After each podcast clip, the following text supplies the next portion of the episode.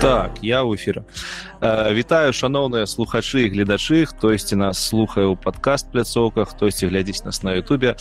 Гэта ўжо другі выпуск подкасту цёмны лёс подкасту про беларусаў про людзей про тое чым яны займаюцца про праграмаванне про навуку ды-увогуле про прафесыі про цікавыя гісторыі про тое як не згубляць сваю беларускасць сёння у нас подкаст будзе з навуковым флёрам будем мы размаўляць у асноўным пра навуку якая датычыцца напэўна хіміі.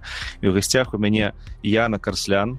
Яна я хуценька я прадстаўлю перад тым як вам паказаць. Я навукоўца да стажорка рэгонскай нацыянальнай лабараторыі якая з'яўляецца сама лабараторыя старэйшы нацыянальным старэйшым нацыянальным даследчым цэнтрам міністэрства энергетыкі злучаных штатаў Амерыкі. І наколькі я зразумеў пры падрыхтоўцы я на э, цікавіцца навукай да хіміі радыяцыі ды радыяцыйнымі матэрыяламі. Гэта тое што паспеў пабачыць я. І зараз я подключаю до нас яну і яна сама раскажа про тое чым яна займаецца. Яна вітаю. Вітаю. Ці ўсё нормально я распавёў про цябе?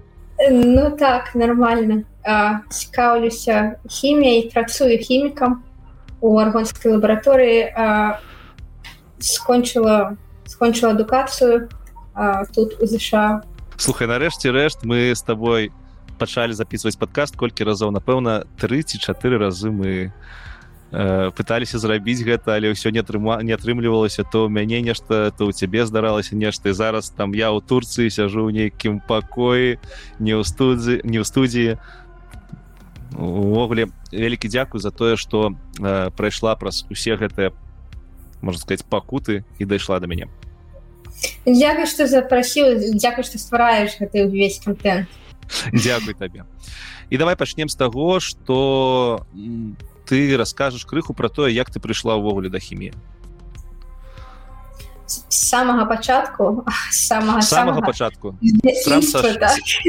так дзяцінства са школы. Где нарадзілася як улюблялася ў хімію ўсё такое? А, значит нарадзілася у гомле а, сказаць что я э, вельмі захоплен захоплена была хіміяй з самага пачатку не могу сказаць але не атрымлівалася вельмі добра рашаць вось гэтыя ўсе задачки лепей за ўсіх у класе і неяк так атрымалася что усіх ва ўсіх у галаве была такая установка что хімія гэта складана А я читаю думаю что тут складанага і мне неяк так атрымал атрымалася э, ну, добра знаете атрымліваць вось менавіта по хіміі ну лепей за усіх так быць скажем у класе у паралелі і потым з настаўніцай па хіміі мы займаліся рыхтаваліся да алімпіяды хіміі менавіта і так сталася что настаўніца гэтая па хіміі жыла недалёку ад мяне А вось мы так добра добра стасункі у нас такія асабістыя былі вось і з цягам часу я пачала болей займацца ну рыхтавацца да алімпіяды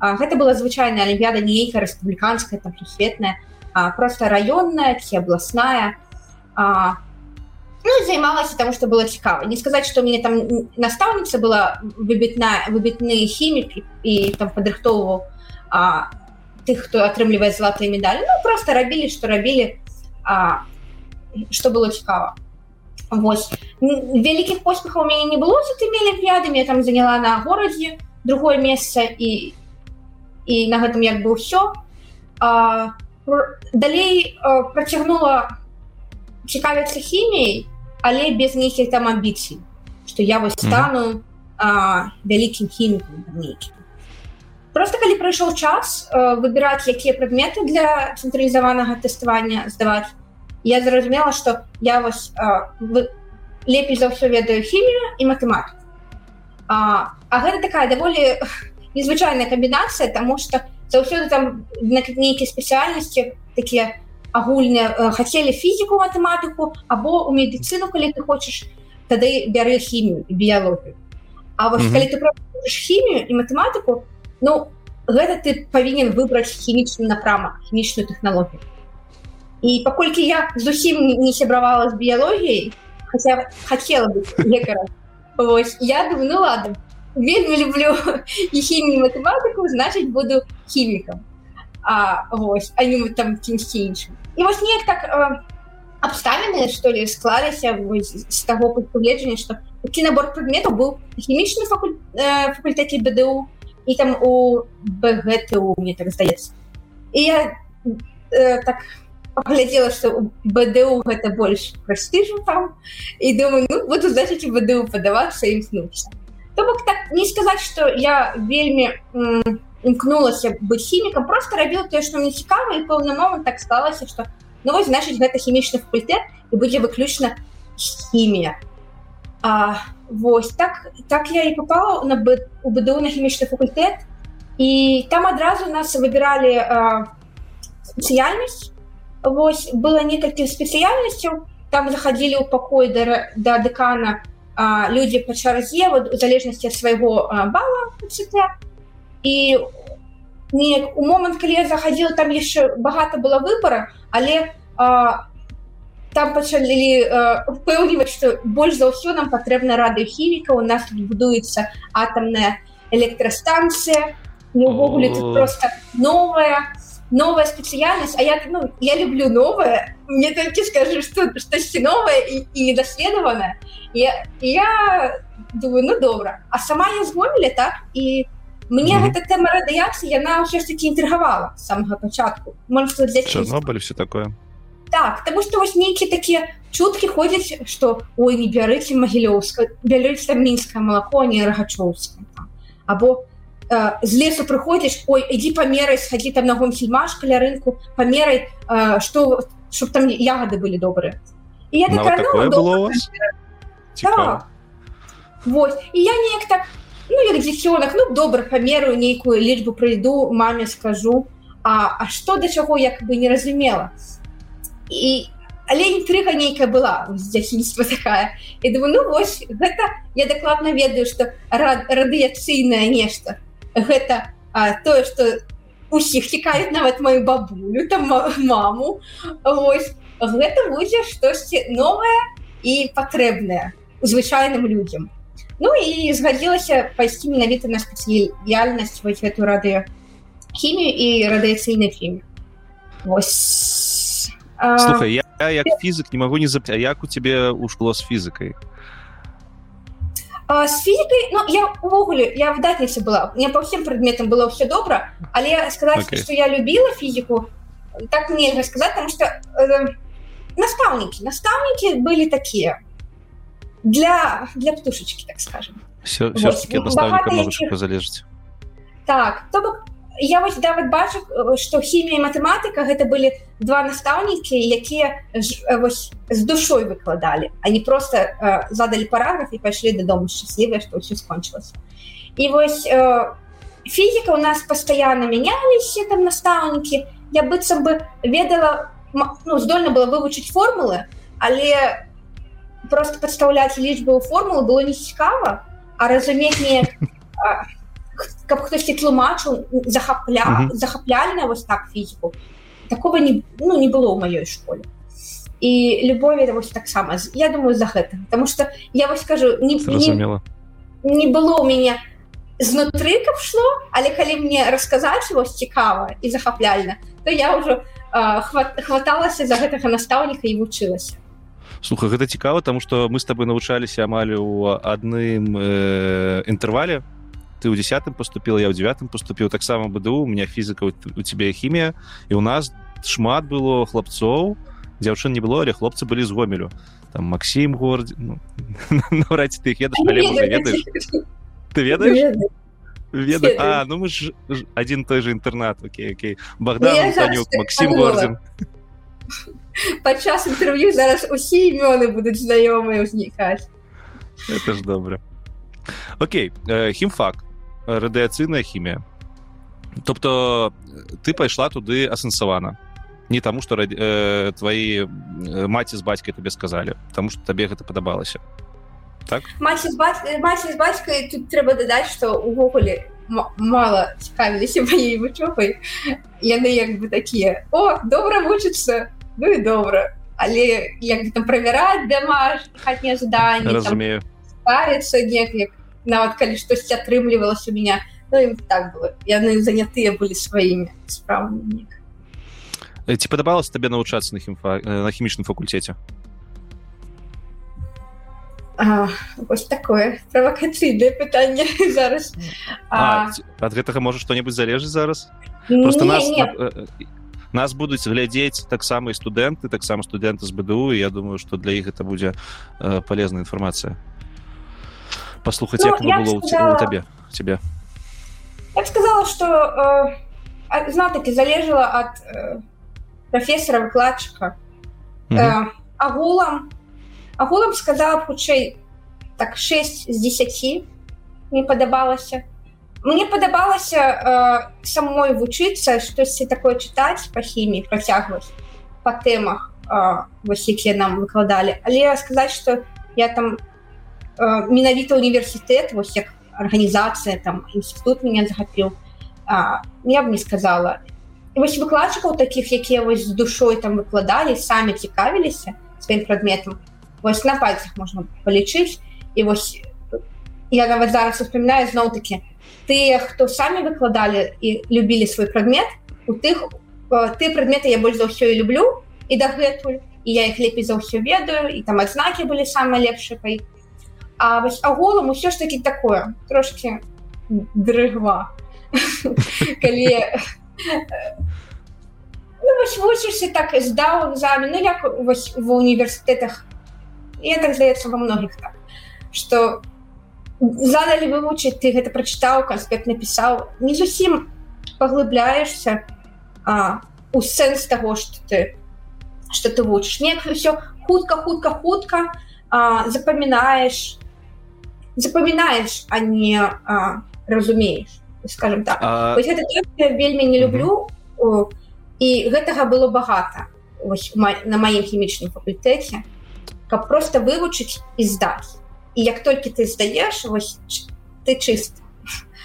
А, зараз калі я параўновую са сваёй вучобай у ЗША тут роўна наадварот. Нічога запамінаць не надо.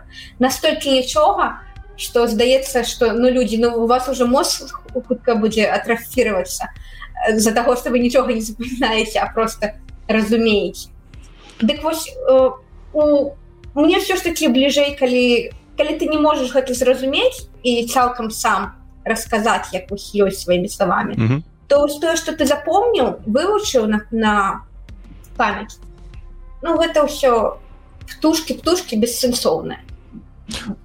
Слухай, я, я, я, не, я не ведаю можа на, на хімічным факультэце гэта было по-другому але складвалось ўражанне что першыя некалькі гадоў нам на фізфаку э, укладалі базы якія трэба запамінаць тобто калі ты іх не будзеш ведаць на памяць то под потым на третьем четвертым пятым далей курсах ты будзеш увогуле не разумець а што рабіць далей.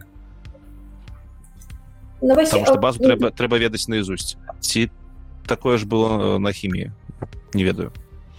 У нас было два гады вышэйшай матэматыкі такой прям жорсткай прям было ну, у нас таксама вышэйшая матэматыка была і ну, як запамінаць табе вось, вось мне маёй прафесіі зараз не трэба нейкія э, матэматычныя там э, вывады формул рабіць это ўсё mm -hmm. залежыць можа калі б я пашла там у камп'ютарную хімію так ці там квантавую штосьці такое там можа б спатрэбілася то я так сумняваюсь ну я, я б не сказала что трэба вучыць практыкай практыкай можа калі ты там здачы будзеш рашаць тады mm -hmm. патрэбіцца вывучыць штось і то яно прыходзіць само як вось ты рашаеш рашаеш ты не просто сеў і запомніў як мнеманічным нейкім правілам ты запомніў праз практыку а і ты як бы зразумеў плюс-мінус гэта ну, я, могу... ну, я зараз можа выглядаць што ўжо я так кажу што там не было зусім шмат запамінаць на хімічным факультэце і нічога нічога такога практычнага не было. Всякое было. Вось просто агулам чамусьці зараз вспоминаецца вось гэта такое. Ад экзамену да экзамена как як штосьці ты просто вучыш а не практыкуеш Окей. Ці я правильно скажу что пасля другого курса у вас было было растасаванне по кафедрам? Не пасля другого. У нас неяк адразу было. Адразу поступали так. Вось калі я кажу спецыяльнасць выбіралі а падчас поступлення вось гэта у нас ужо было размеркаванне бо у нас ведаеш як было у нас у нас была спецыяльнасць і э, яшчэ была кафедра. Тобто у меня спецыяльнасць напрыклад фізік менеджера кафедра была атамна-молекулярнай фізікі фізычнай інфарматыкі ад гэтага залежалі тыя э, тыя прадметы якія ты вывучаеш не у нас а, адразу а, так, по потоках подзялілі mm -hmm. і мы а, прадметы у нас былі падобныя можа першых два-тры курса. Але мы вучыліся вось асобны. Наш поток і там яшчэ один поток маленькі. Добра. Распавядзі простымі словамі адносна простымі чым займаецца хімік радыяцыён і радыяцыёншчык неяк так. Вось тут трэба пазначыць што ёсць адрозненне паміж радыяцыйнай хімій і радыёхімій грубо кажучы радыяцыйная хімія гэта што адбываецца з рэчывам калі а, на яе на гэта рэчыва уздзейнічае радыяцыя а, а, а радыёхімія гэта як рэагуе рэчыва якое само а, выдзяляе гэту радыяцыю то, то бок хімія радыёнуклідаў ізатопаў вось радыактыўнай матэрыі я вось падчас навучання быду мяне быў напрамак боль радыяцыйнай хіміі як бы mm -hmm. я па ёй пісала вось і дыплом там і ну, дыплом і, і вось яна была такім асноўным маім ну, самым маім улюблёным прадметам вось менавіта як надзвычайная рэчыва здзельнічая радыяцыя А вось ужо калі я пайшла у аспірантуру тут ужо ЗША тут ужо цалкам змянілася па сутнасці напрамак і я ўжо працавала з радыёхімій дзе я працавала непасрэдна з вас гэтымі радыактыўнымі рэчывамі якія самі выдзяляюць радыяцыю так добра я... як называется хімія якая вывучае э, узаемаадносіны рэчыва якія вылучаюць радыяцыю якія ўспрымаюць радыяцыю радыё радыяцыйная хімія?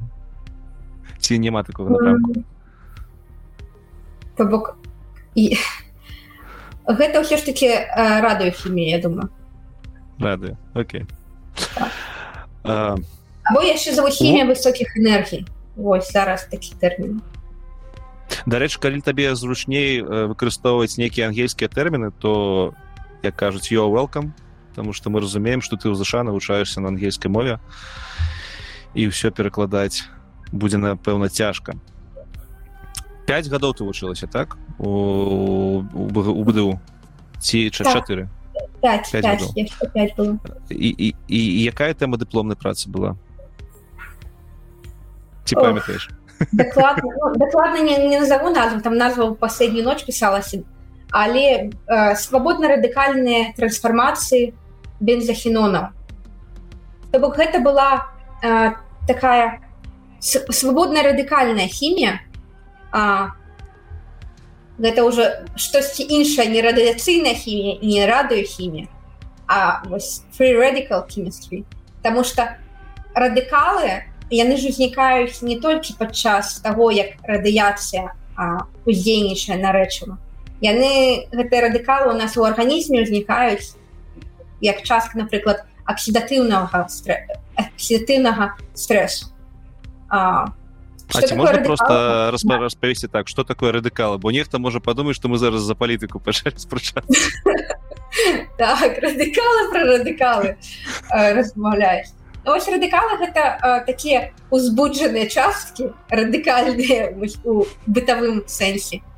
Яны маюць яны маюць электрон непадзялённую непадзялёны вось электрон які вельмі хоча знайсці пару каб было была пара і каб адтварылася сувязь. А сувязь это гэта у нас па сутнасці два электрона якія паміж двумя атамамі бегаюць так і вось калі ёсць нейкі атам з вось гэтым не з гэтым адным электронам ён шукае пару ён вельмі актыўна і калі гэта узнікае у арганізме падчас вось стрэсу там на аксідатыўнага напрыклад або просто ў прыродзе з-за таго што нейкая радыяцыя паўздзейнічала на рэч і там разарвалась гэта сувязь двух электронаў і стварылася два таких актыўных две таких актыўных часткі яны пачынаюць так хаатычна вельмі а, вельмі недобра для арганізму шукаць себе рандомную пару.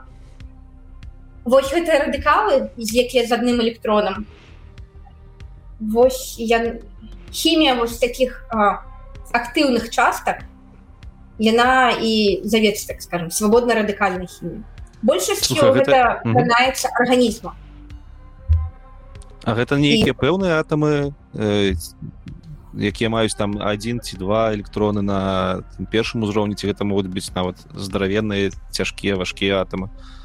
Гэта можа быць і у малекуле напрыклад частка малекулы ага. атрывалася ад напрыклад гідраксільнай групы OH вось два атома о кісларод і H.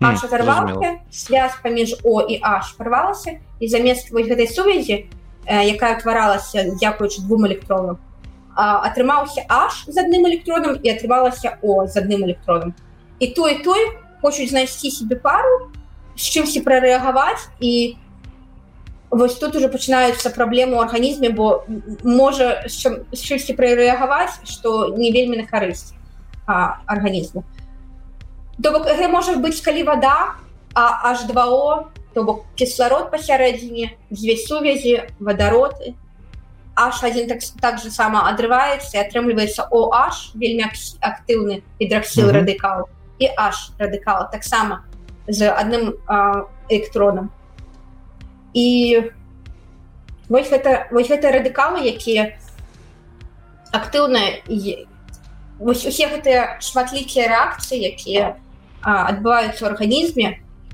з вось гэтымі радыкаламі. Яны вельмі хуткія гэта рэакцыя і хімія адпаведна і прылады якімі даследуюць вось гэтыя вось гэтыя рэакцыі яны а, ну асабняком стаяць ад ад звычайнай вось такой агульнай хіміі.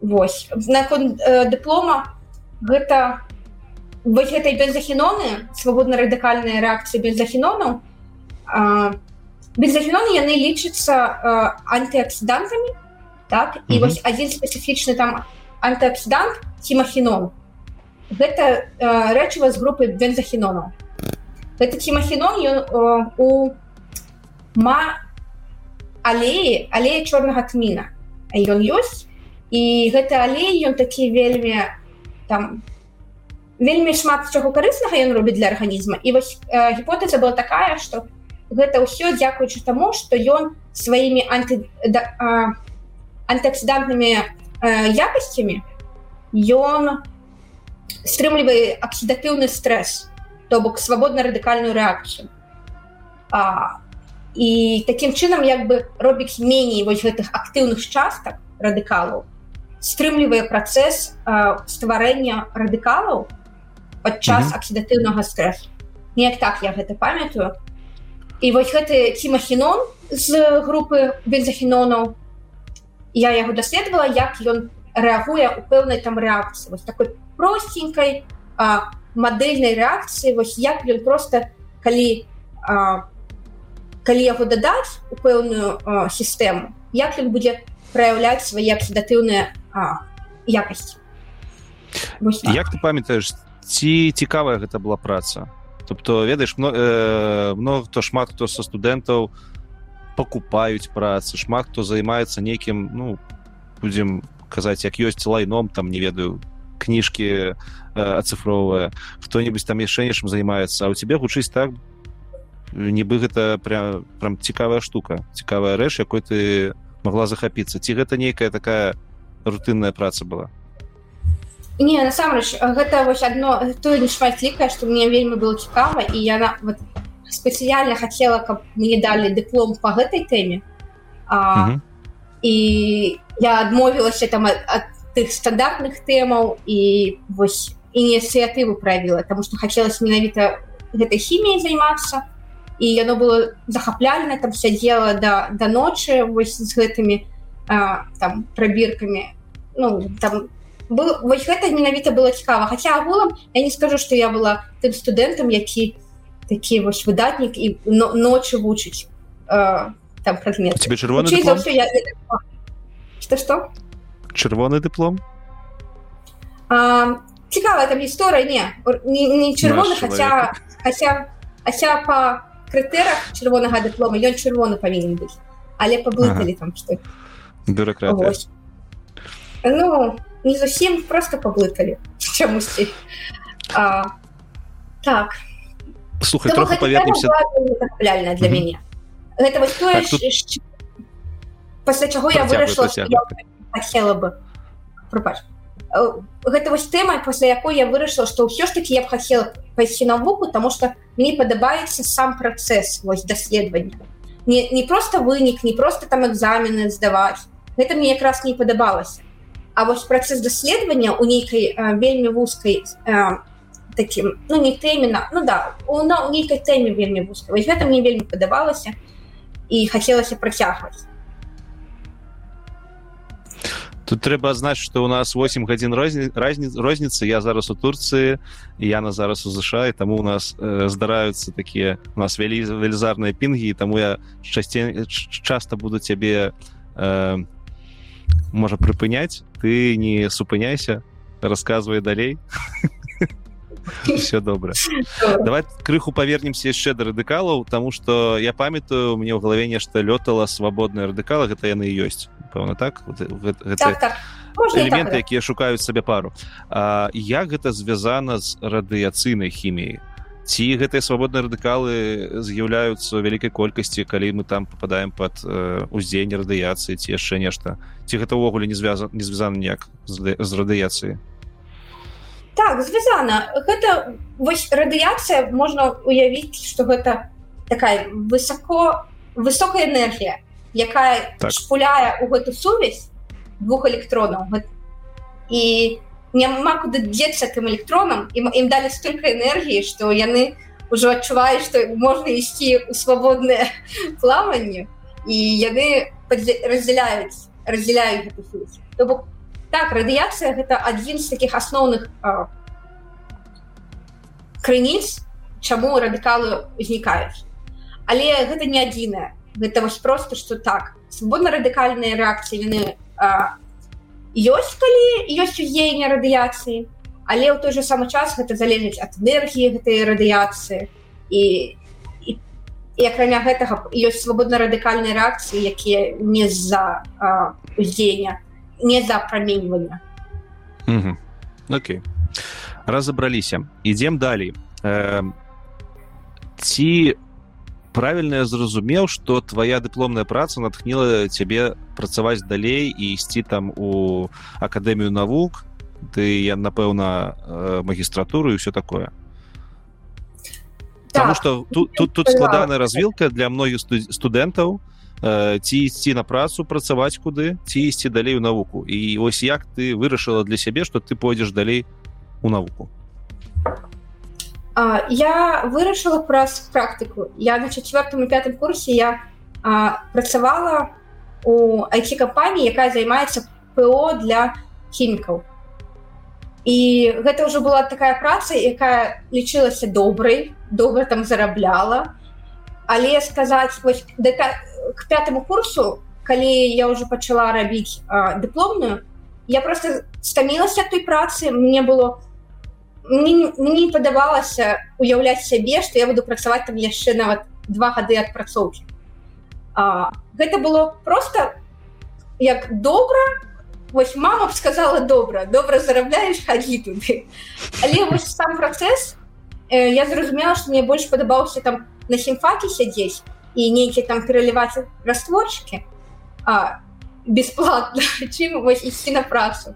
Неяк нават не матывацыі не Э, грашовых не хапала Таму пасля пятого курса я ўсё ж таки вырашыла что я буду працягваць навукай займацца і у мяне ну, мне сябар быў які ўсё ж таки вось падштурхоўваў да навукі і казаў у адказ на тое что на маё на мае сумневы что ну что я буду рабіць навука буду там малодшым навукоўца супрацоўнікам і все жыццё там буду дацэнтам у інтэрнаце тут. Ну вось на гэта поступила ідэя что ну можна ж не только не только в беларусі быць навукоўцам а не ў беларусі быць навукоўцам гэта гэта вельмі добра і з пункту гледжання і прэстыжу і па заробках і табе ж гэта падабаецца. Вось і я ўсё ж таки э, ўжо пасля пятага курса калі я вырашала ісці магістратуру я для сябе разумела так скажем что ну перспектывы ў беларусі навукі мала але я паспрабую паспрабую пайсці ў акадэмію навук тому что на хімфаке я уже паспрабавала працаваць мне падабаецца але я бачу э, тых людзей якія тут абаранілі дысертацыю якія вось сядзяць со мной лабараторы ну аб'ектыўна э, я не магу як іншагародні студэнт э, не хацелось бы до 35 гадоў быць вось на шеі бацькоў і таму калі я ўжо шла ў магістратуру я ўжо разумела что я скончу магістратуру я я буду як бы рухацца по плыні якая тут вот патрабуе от мяне універсітэт але я буду шукаць магчымасці получыцца дзесьці яшчэ як бы першы свой не першы год магістранскі вось гэты. І нават уже у канцы пятого курса я уже падавалась там шкала праграмы нейкія Erasmus education USA нават не падавалася толькі на одну праграму нейкую от МаГТ але ўсё-таки чытала гэта такі спецыфічны набор ведаў для беларускага студэнта что такое увогуле поступаць ва універсітэт Ну гэта зусім іншая планета. Гэта не так что ты здаў ЦТ і, і аўтаматычна ты кудысьці ўжо попаў там просто э, аддаўшы документы. Ну, То бок я вось гэта даследавала ўжо і калі я шла на пяты калі ўжо быць было размеркаванне у мяне была насамрэч вось паперка застацца ў кампаніі дзе я працавала але я ўсё ж таки падала документы ў магістратуру у акадэмію і туды пайшла з тым разлікам что я я ўсё ж таки змагу кудысьці поступіць а можа а можа у кады ну былі такія э, вар'яцкія думкі можа я ў акадэміі мне спадабаецца потому что ўсё ж таки гэта вось я лічыла на той момант что акадэмія гэта ступень вышэй і навука там будзе такая что ух. А, і насамрэч было ух. Вось. Але я вельмі хутка а, я вельмі хутка пасля таго як падала документ пачала падаваць документы на розныя праграмы мяне ўзялі і ўжо можна сказаць з трэцяга месяца маёй магістратуры калі пачыналася вось гэты варушняк з даследаваннем магістранскай я ўжо ведала што я ўжо поступаю там уже уже працэс ідзе куды і... за мяжу? Так то бок мяне мне вельмі падабалася то, то чым я займалася ў магістратуры вось пункту гледжання даследавання там зноў такі быў бы вось такі ініцыятыва і вось кіраўнік мой вельмі такі ініцыятыўна ініцыятыўная была. І і паралельна я яшчэ падышах не толькі падпрацоўвала вось малочным навуковым сотруднікам а таксама яшчэ документы падавала ва універсітэту ЗША і ўжо праз калі там у верасні я поступила в магістратуру а ўжо у снежні я ведала что я падалася ў некалькі універсітэтаў і ёсць вялікая верагоднасць что я поступлю кудысьці ну, ну, так які, які, які тэрмін гэтага поступлення тобто ў снежні ты ведаеш что ты уже кудысьці прайшла і колькі там даецца месяцаў тыдняў каб прыехаць в універсітэт ты мож ці можа гэта на наступны год адбываецца як это працуе Э, можно поступать э, на восеньскі семестр трыместр mm -hmm. вось які пачынаецца ў Амерыцы э, у верасні можна той у які вясной мне даецца ў саквіку Я думаю что два разы на год ты можешь падаваць документы. Але рыхтавацца да гэтага поступлення трэба ну як мінімум самы мінімум за год.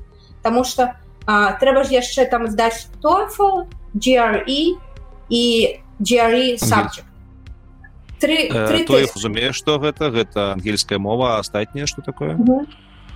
GRE гэта такі тест на на крытычнае мысленне правяраюць на аналітычныя здольнасці на vocabulary вось такія -huh. як ты ведаеш розныя словы то бок там три часткі было. Перш вось у гэтым GRE тесте. Першае аналітычнае мысленне я б сказал что гэта матэматычны такі тест. А, яго здаюць усе амаль што вось фізікі хімікі выдатна тому что у нас база вось нейкая матэматычная яна вышэй здаецца за а, вось тут тутэйшую і пасля гэтага ідзе крытычнае мысленне там трэба даюць тэму і ты павінен паразважаць аргументамі там нейкімі нейкая эсэ напісаць на пэўную тэма тэма тэма адвольная ці тэма звязаная ўжо там з напрамкам тваім з кірункам з хіміяй ці з тем з чым агульна гэта ўсё агульна Jerry general тест, гэта просто агульнае твоё вось мысленне тестуюць так скажем mm -hmm. наколькі ты можаш лічбамі карыстаць там графікі апішыце вось як ну такія базовыя матэматычныя э, манёўры і вось крытычнае мысленне як ты вось логікай увогуле у тебе працуе а третья частка вось гэта слоўнік то там гэта частка якую усе правальваюць тому что гэты слоўнік для non-native спикера гэта амаль что амаль что недосягальна слухай так а чаму чаму недастаткова тоефла? Тоефл гэта ж вроде як моўны такі моцны тест навошта яшчэ нейкі слоўнік там правяраць? Таму что гэта як бы можно сказать навуковы нейкі слоўнік Ну, такі прымітыўных словаў якія памяты там а, напрыклад там ну, пра, просто слова гамагенны ось звычайны чалавек які ведае носьбіт ангельскай мовы ён можа не ведае такое гамагенна скажа аднародны а, ну вот такой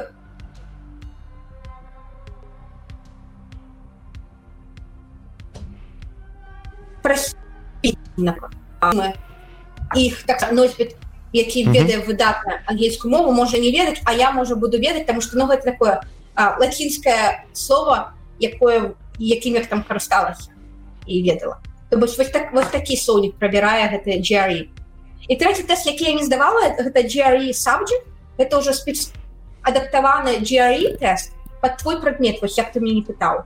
Вось і, і там логіку правяраюць і матэматыку ўжо у тваей галіне. Я гэта mm -hmm. не здавала багата не могу сказаць вось толькі агульная ведаю что гэта ўжо под твой прадмет адаптаваны і вось гэта ўсё трэба было здаваць захаця ідэальна калі там вось за год ты пачынаеш рыхтавацца у маім выпадку гэта было ўсё хутчэй тому что я як попала увогуле у гэту плынь поступлення ў ЗША я падалася на праграму якая звалася education USA а, про...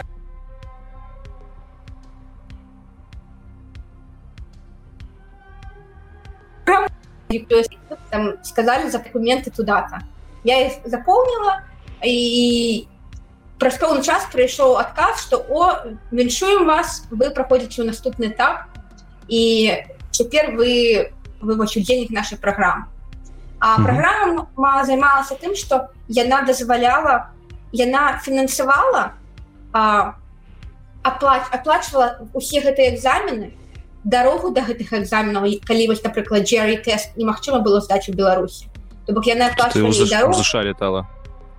Не не ЗША у Кіев можна okay. было Киеве там у варшаве здаць гэты GRE то бок яны вось гэта аплачвалі потым калі ты поступ падаеш документы ва універсітэт гэта таксама штука платная там 100 даляраў прыкладна на одну заявку каб просто падаць документы нават не ведаючы поступіш ты туды не вось яны давалі магчымасць поступіць падаць документы ў 6 8 універсітэтаў і аплачвалі гэта таксама і візу калі ты ўжо цябе хтосьці прымець з гэтых універсітэтаў візу аплачвалі дарогу да сша.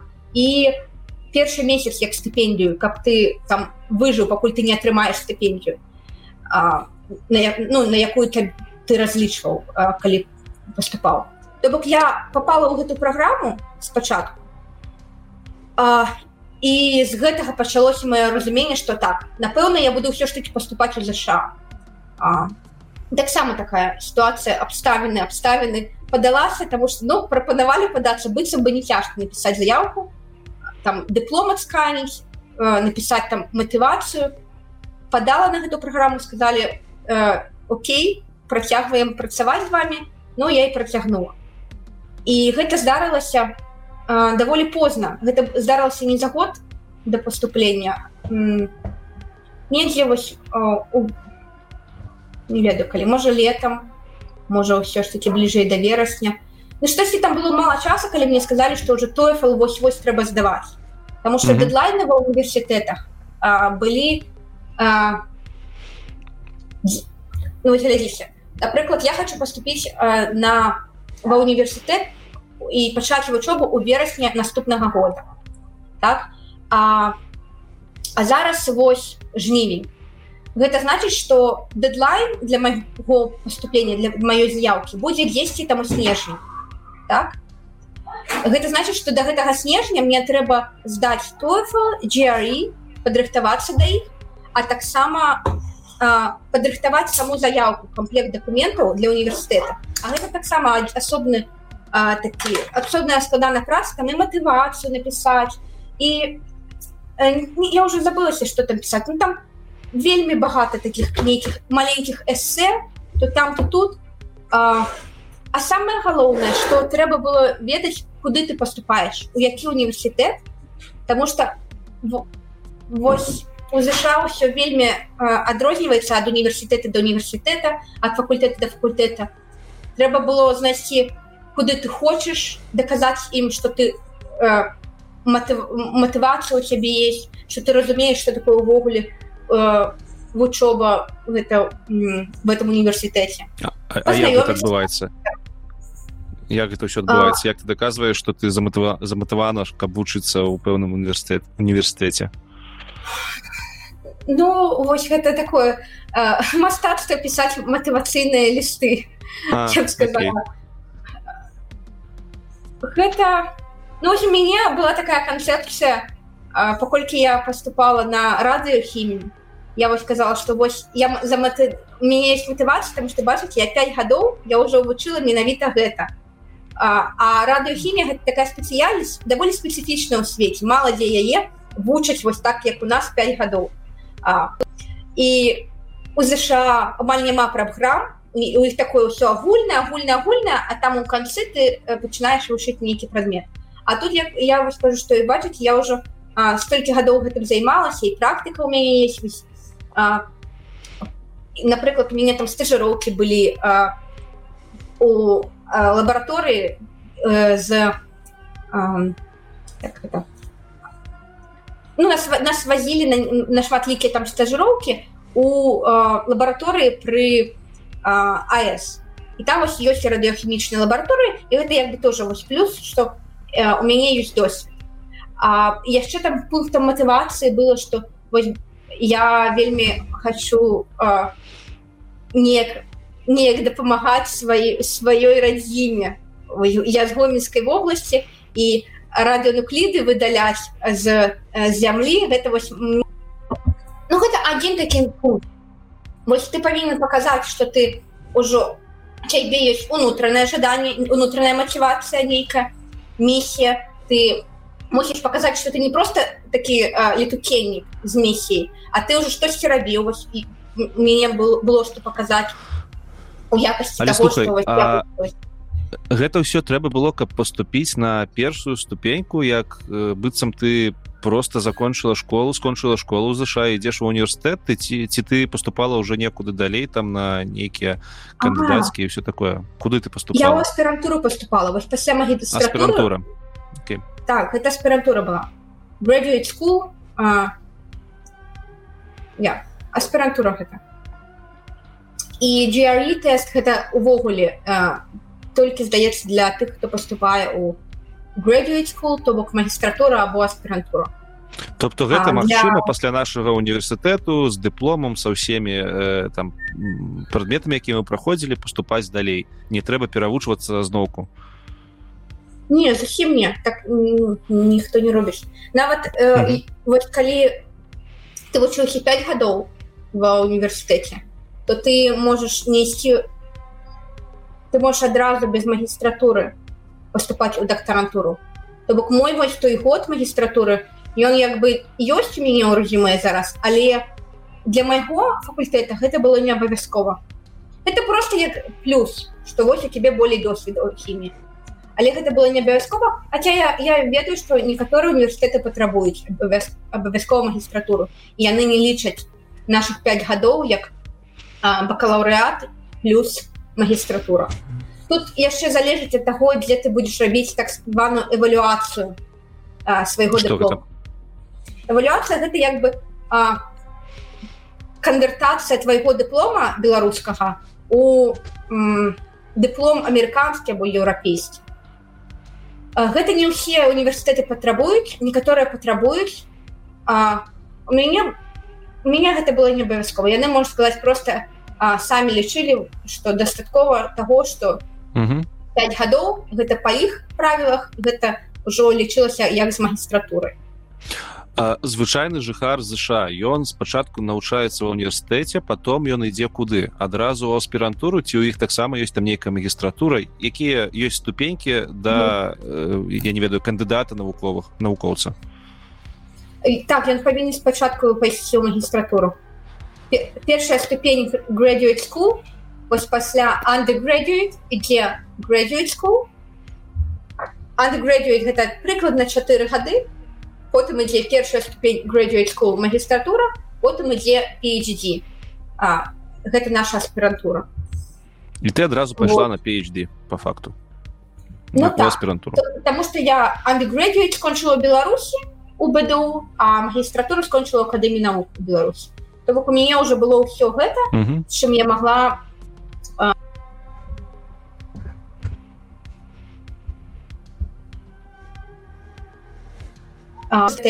і падаўшы заявку в універсітэт амерыканскі Окей. Важно важно я забыла сказаць что вось я кажу экзамены трэба просто здаць трэба просто заявку оформіць ва універсітэт А самое галоўнае что я пропустила что ва ўсім гэтым працэсе падрыхтоўкі одно з самых галоўных это было знайсці куды ты хочаш поступіць это і знайсці менавіта прафесара з тэмай якога ты зацікаўлены і хацеў бы працаваць над гэтым 5 гадоў тому что доктарская ступень яна прадугледжвае ўсё ж таки большую частку як даследаванне навуковае ты уже не просто undergraduate student. Не просто вот студэнт які вывучае нейкія курсы і ты павінен быць заматываваны рабіць даследаванне і для гэтага табе патрэбен прафесор абавязкова з лабараторыяй і знайсці гэта. А навошта? На... ты ці не можаш ты прыйсці просто со сваёй нейкай працы якую ты жадаеш распрацоўваць і далей 5 гадоў навошта тут прафесор нейкі лабараторыя так, пытанне грошай хто дзе ты возьмеш грошы каб рабіць даследаванне грошы ж даюць праз гранты прафесарам лабараторыям а ты такі просто з са сшыткам ноунейм такі якому ніхто нічога ну, не дасць То бок вось, э, вось гэты працэс пошуку прафесора і лабараторыі у краіне якую ты лезь ледзь толькі ведаеш у які ты там штат як ён называецца арыгон або рызона не зусім ведаеш ты павінен знайсці які там ёсць універсітэт на кожным гэтым універсітэце знайсці э, хімічны факультэт напрыклад і знайсці чым займаецца кожны прафесара там 50 прафесароў і і заўсёды відавочна чым яны займаюцца і ці хочаш ты гэтым займацца. І як вось сябе прадставіць каб людзі якія ведаюць гэтага прафесора напрыклад і будуць у камісіі каб яны зразумелі ты зрабіў сваё хатняе заданне і ты уже дакладна разумееш э, чаго ты хочаш ад іх і з чым ты хочаш займацца. То бок вось такое вось гэта э, цяжкі такі працэс і доўгі. Ён нават складаней а... А я где их шукаць? Ці ёсць які сайт на на манер для якога-нибудь лінкедыну дзе ты можешь там шукаць гэтых прафесароў глядзець іх працы? Ці пазнаёмству як это адбываецца? Ну, шукаешь шукаеш вось по сайтах універсітэтах потым ідзеш на researchгейт напрыклад або просто э, пампуеш там артыкулы гэтых прафесароў і чытаеш іх каб зразумець чым яны займаліся. Напрыклад mm -hmm бачыш такая тэма апошняя там яго 5 артыкулаў пра гэту тэму Ну напэўна ён мае грант на гэту тэму ён гэтым займаецца. Ёсць сайты якія гранты даюць. Ты можешь зайсці туды паглядзець хто апошнія гады што выйграў і ісці ад таго якія напрыклад гранты хто выйграў і ісці па гэтых універсітэтах па гэтых прафесарах. А можаш ісці наадварот ад прафесара з якім ты хочаш працаваць шукаць вось такого прафесара з якім тебе было б цікава спадзявацца што ў яго ёсць грошы на даследаванне што ён таксама шукае нейкага студэнта. Крыміналістыка няма такого аднаго сайта дзе гэта ўсё выкладаецца нават навошта прафесарам навошта гэта ўсё прафесарам ім патрэбны нейкія руки якія будуць дапамагаць ім даследаванні праводзіць у іх накірунку так гэта гэта ж такая дармавая дармавыя руки. Студэнты студэнты гэта знайсці добрага студэнта вось я зараз разумею гэта просто шчасце для нават такого так, маладога навукоўца як я Таму что оплата вельмі нізкая А калі ён разумны то яно відаць з самага пачатку што ён разумны што ён разважае ледзь не як дрэнны навуковец больш высокага ўзроўню. Студэнты патрэбныя каб выконваць гэтыя гранты якія прафесара пішуць. Прафесара самі не ідуць у лабараторыю і не выконваюць тое што яны напісалі. Яны шукаюць людзей хто выкана і кім яны будуць кіраваць. а, і накіроўваць іх вось па, па, э, па патрэбах гранта Вось то бок гэта вельмі так важное для самого прафесора знайсці добрага студэнта. Гэта гучыць неяк незвычайна тому что заўсёды ў галаве ёсць такі стэеатып ведаеш што калі ты навукоўца ты сам працуеш там днямі начамі ты там сядзіш не некалі ты хімік там прабіркі гэта пераліваеш калі ты фізік ты там якія формулы э, подкрэсліваеш там нешта новое прыдумляеш а тут оказывается просто ёсць прафесара якія такія як менеджеры і у іх все робяць студэнты А яны што ну, робяць а яны просто гранты выбіваюць ну, э, па, па сутнасці так ёсць что яму менеджеры як ты сказаў вельмі вельмі трапна заўважу что студэнт студэнт не можа падавацца на грант там на мільён даляраў на 5 гадоў тому что ён просто студэнт у яго няма рэпутацыі ён mm -hmm. не не праявіў сябе не зарэкамендаваў а прафесор ужо мае досвед і паказаў сваімі папярэднімі працамі што у яго вось ёсць досвед выконваць тое што ён прапануе даводзіць до конца так, так. слухай э... ці гэта значыць что ты як студэнт пакуль ты работаешь працуеш под нейкім прафесарам ты не маеш скажем так і часу і сродкаў на тое каб працаваць над сваей пра сваёй працай сваімі нейкімі думкамі. Ты працуеш увесь час над нейкімі прафесарскімі проектамі можна і так сказаць але не зусім. Вось як у ЗША так напрыклад ёсць мелкія такія гранты універсітэцкі напрыклад калі у цябе ёсць mm -hmm. такая геніяльная ідэя то табе могуць даць пэўную суму калі ты распішаш дакладна што за ідэі наколькі яна карысная ты прапануеш конкретны план того что ты збіраешься рабіць і які вынік ты атрымаеш бок можна атрымаць невялічкую суму а, але дакладна гэта не пакрые там год твайго навучання Ну можа можа калі гэта геніяльная ідэя якая спрацуе а, а так з большасці ну, ты робіш так што што прафесор табе выбраў таму так важно выбраць прафесора каб табе тэма была цікавая. А у чым заключаецца тут навучанне? Я крыху не разумею. З аднаго боку ты едзеш э, навучацца ў аспірантуру каб э, атрымаць там нейкі новы ўзровень э, сваіх пазнанняў. Там можа нейкае новае званне там кандыдат навукоўцы ці яшчэ нешта. З другога боку ты едзеш працаваць. І з, з боку працы ты павінна атрымліваць нейкія грошы за сваю працу а з боку навучання ты павінна плаціць за сваё навучанне.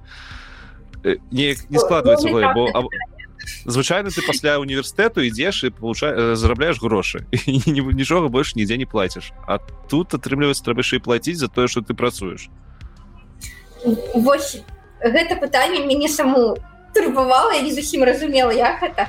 Сутнасці тым что ты калі поступаешь в універсітэт так ты павінен платіць тому что гэта фармальна вучоба. І чамусьці ты навучышся. Калі ты працуеш у лабараторыі над чужым проектам таксама вучышся нейкі досвед атрымліваеш і за гэты досвед ты мусіш платіць так? Потому что это практычныя веды так? А і гэта уваходзіць у кошт аплаты за універсітэт а з другога боку табе прафесор таксама мусіць платіць калі ты працуеш над яго грантам. Атрымліваецца так что ты а, выходишь у ноль? Не зусім а, выходишь у плюс. Выходишь у плюс потому что а, оплата за твое за твою працу яна вышэй яна уключае твою карацей выходишь ты як бы на стыпендию калі ты поступаешь ва універсітэт табе кажуць у цябе ёсць фінансавая падтрымка ці не напрыклад табе могуць прапанаваць быць teaching assistant быть mm -hmm. дапамагаць нейкаму прафесару выкладаць нейкі прадмет або прапанаваць дапамагаць прафесару рабіць даследаванне тое самае даследаванне якое табе самому патрэбна каб абараніць дысертацыю ось у гэтым сэнсе ты калі атрымліваеш гэту прапанову гэта значыць што універсітэт аўтаматычна будзе плаціць за твою вучобу і таксама у зверх гэтага будзе яшчэ плаціць стыпендію табе. І вельмі зручна калі ты атрымліваешь не не тысячи насістчы калі ты павінен дапамагаць выкладаць нешта і паралельна рабіць даследавання ну, можна сказаць задарма. Mm -hmm. а, а калі ты атрымліваеш research assistantчы дзе ты як бы працуеш над сваёй дысертацыяй але ў той же даследаваннем. так і табе не трэба марнаваць час на э, дапамогу там выкладчыкі Слух, слухай ці гэта добрыя грошы ці гэта добрыя грошы ў плюс атрымліваюцца бо все мы ведаем что там наша у беларусі ва ўсіх пост снгшных странах. Гэта ну не тое каб добрыя грошы не тое каб нават ты грошы за якія можна жыць па мерках амерыканскіх гэта не вельмі разумнае рашэнне ісці на PhD пасля undergraduate пасля ВНУ звычайнага Таму што сапраўды стыпендія яна даволі такі невялікая ты будешь 5, 5 гадоў вучыцца Ну я магу агучыць суму прыкладна полторы тысячи даляраў это то, что оста остается? Это то, После... тебе дают на руки. І угу. гэта не тая сума якую а, чалавек які плаціў за а, універсітэт 5 гадоў это ж не як у беларусі бесплатно так? Вось мы с тобой хадзей а ты узяў крэдыт твае бацькі ўзялі крэдыт ты плаціў 5 гадоў mm. і ты скончыў гэта с велізарным гэтым доўгам і ты такі яшчэ ідзеш на такую маленькую стыпендію адносна гэта невялікая сума гэта просто до нормально жыць але дакладна не выплачваць той крэдыт а, а вось як глядзець пункту гледжання інтэрнацыянальнага студэнта гэта нормально. Я таких я таких сум ніколі не чула не трымала будучи студэнтам і для мяне что гэта стыпендія ну гучала неяк вельмі, вельмі жыць жыць можна было. жыць можна было лёгка здымаць кватэру так як бы амерыканскі студэнт ўсё ж таки хацеў бы зарабляць болей чым гэтыя кошты і можа там купляць ужо дом там ну, іншыя мэты. У амерыканскага студэнта пасля сканчання вНУ і у цябе калі ты прыязджаеш новую краіну. Ты разумееш што людзі прыязджаюць у краіну і без працы і без ведаў ангельскай і, і зусім э, можа з дыпломам які нічога не значыць у гэтай краіне. То бок з гэтага пункту гледжання мне здаецца прыехаць краіну для цябе стабільна плоцяць лічыць твой дыплом і ты вось як бы ідзеш на ўзровень адукацыйны які ў Амерыкі насамрэч лічыцца вельмі прэстыжным з-за таго што немногія так пайдуць гэта толькі вось тыя хто ўжо зусім такія а, з запалам ну з гэта ну, гледжання гэта я, я лишь такі разумны разумны крок і ён апраўданы глядзі яшчэ такое мне пытанне э, якое датычыцца нашай зараз размовы ёсць універсітэты якія ты можаш пайсці і займацца даследаваннямі А, я ведаю што ёсць напрыклад яшчэ даследчыя цэнтры пры велізарных карпорацыях там напрыклад не, не ведаю якім-нибудь Microsoft э, мае свой research and development цэнтр і ці можна туды попасть будучы студэнтам і як бы не плаціць за навучанне але атрым атрымліваць э, вопыт і працаваць над сваімі нейкімі даследаваннямі у такія вось research цэнтры не пры універсітэтах але пры кампаніях і ці робяць так. Так робяць э, даволі даволі цяжка туды трапіць але робяць і гэта робяць пасля першага года аспірантуры калі ты ўжо ты ж год аспіратуры гэта калі ты ходзіш на курс як звычайны undergraduate студэнт і атрымліваеш пэўную базу такую ведаў там па спецыя па спецыяльнасці сваёй ось калі mm -hmm. ты гэты год адходзіш і атрымаеш пэўную колькасць курсаў гадзін тады ты ўжо можаш сканцэнтравацца вось толькі на даследаванні і знайсці кампанію зноў-таки напісаць заявку там знайсці дакладна хто кому ты патрэбен зноў-таки працэс які патрабуе тебе нейкага нейкай ініцыятывы крэатыву каб знайсці кому ты патрэбен. І гэта не працэс дзе ты вось ведаеш дакладна што рабіць наступным крокам. Ты просто ходзіш там вось як ты сказал LinkedIn, research штось шукаеш не ведаеш. Знойдзеш ты сёння ці ты яшчэ будзеш 5 гадоў шукаць і нічога не знойдзеш.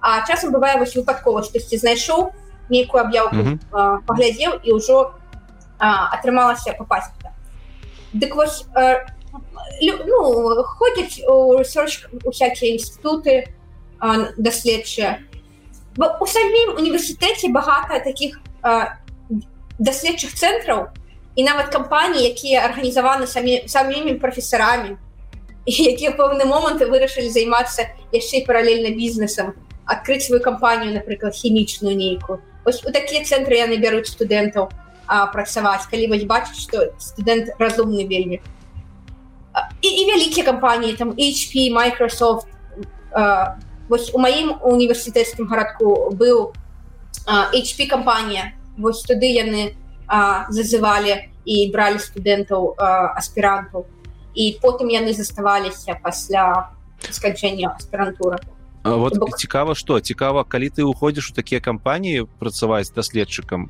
я так разумею что ты ну ты працуеш над сваім даследаваннем ты працуеш на сваёй працы нейкую навуку робіш але ты не можаш атрымаць наступную ступеньку там стаць кандыдатам ці доктарам ці патрэбна для атрымання гэтай ступенькі то э, навучацца ва універсітэце атрымліваць яе там. Ці можна пайсці ў кампанію там папрацаваць на сваёй працы а потым прыйсці універсітэт сказаць што вось я такі круты я зрабіў нейкі добры вынік і я жадаю атрымаць там доктарскае званне адбываецца першую чаргу ты поступаешь ва універсітэт ва універсітэце ёсць свае патрабаванні у кожнага факультэта ёсць свае патрабаванні А што ты павінен зрабіць для таго каб атрымаць PhD Таму калі ты пайшоў працаваць у нейкую кампанію не, але не паступіў ва універсітэт ты не можаш атрымаць PhD ты спачатку ідзеш у э, універсітэт атрымліваеш там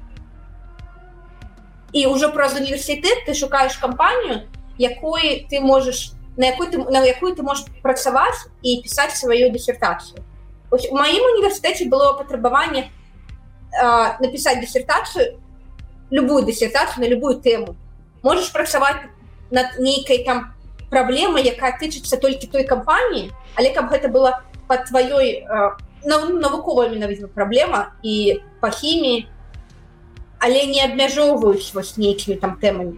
І калі ты ідзеш у нейкую хімічную кампанію дык чаго б не? Ну пішы там дысертацыю ім але вось сам сэнс слова дысерта дысертацыя ён вызначаецца тым что ты робіш яе ва універсітэце тобто можешь ты зрабіць як нейкую працу у кампаніі а потым прыйсці сказать гэта дысертацыя Вось я напісаў там шмат паперы по маім даследаванням і я жадаю каб гэта была дысертацыі зрабіце калі ласка агляд гэтай дысертацыі зрабіце мяне доктарам навук. Ці табе патрэбна вучыць да. Ці зразумела пытанне ці не?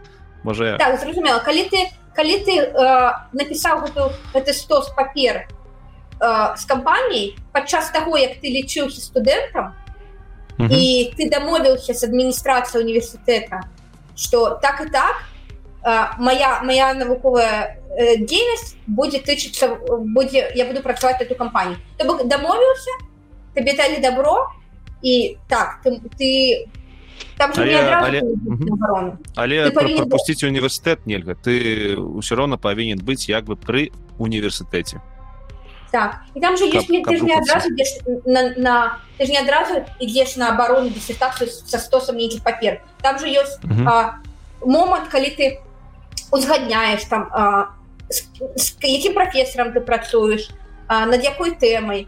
Узгадняеш потым а, перад перад абарона дысертацыі дзе ты ўжо ну 10 там на палове шляху да канчатковай дысертацыі ты показваешь что ты зрабіў. Камісія гэта аглядае.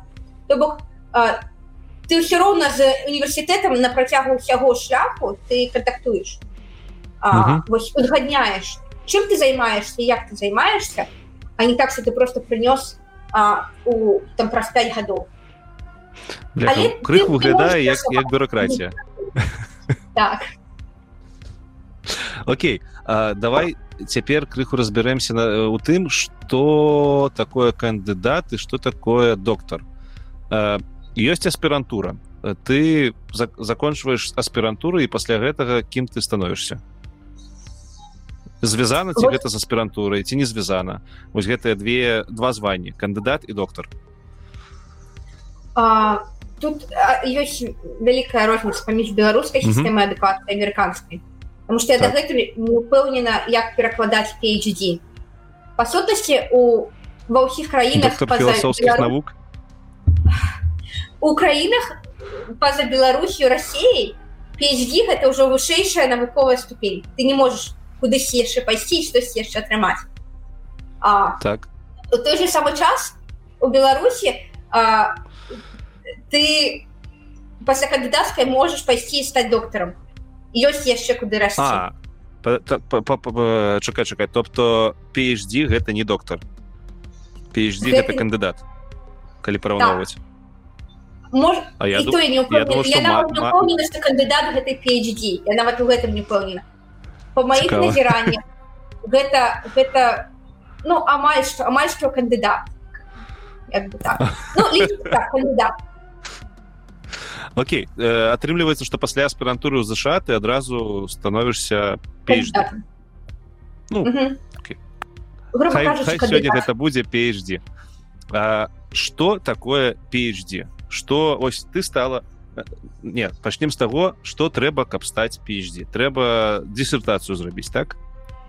Хто вырашае что твоя дысертацыя вартая каб цябе зрабіць PhD і як гэта вырашаецца? Гэта зноў-таки у няма такой цэнтралізацыі як у беларусі у ЗША у іх як вось вырашылі вось гэты камітэт прафесароў твайго факультэта хі універсітэта так яно і будзе. У іх больш аўтаноміі чым у наших універсітэтах у наших універсітэтах там люди далёкія ад навукі спускаюць патрабаванні хто такі доктор хто такі кандыдат і ці будзеш ты аспірантам увогуле а там ўсё ж таки патрабаванні адрозніваюцца ад універсітэта до універсітэта таки могу рассказать про свой універсітэт про свой досвед. У нас как... твой універсітэт зараз гэта які універсітэт там что ты пачынала з арыгонскага я так разумею я скончыла я скончыла его і на гэтым все атрымала рыбольскі гаворым так про рыбольскі э, не памятаю дакладную лічбу але пэўную колькасць курсаў гадзін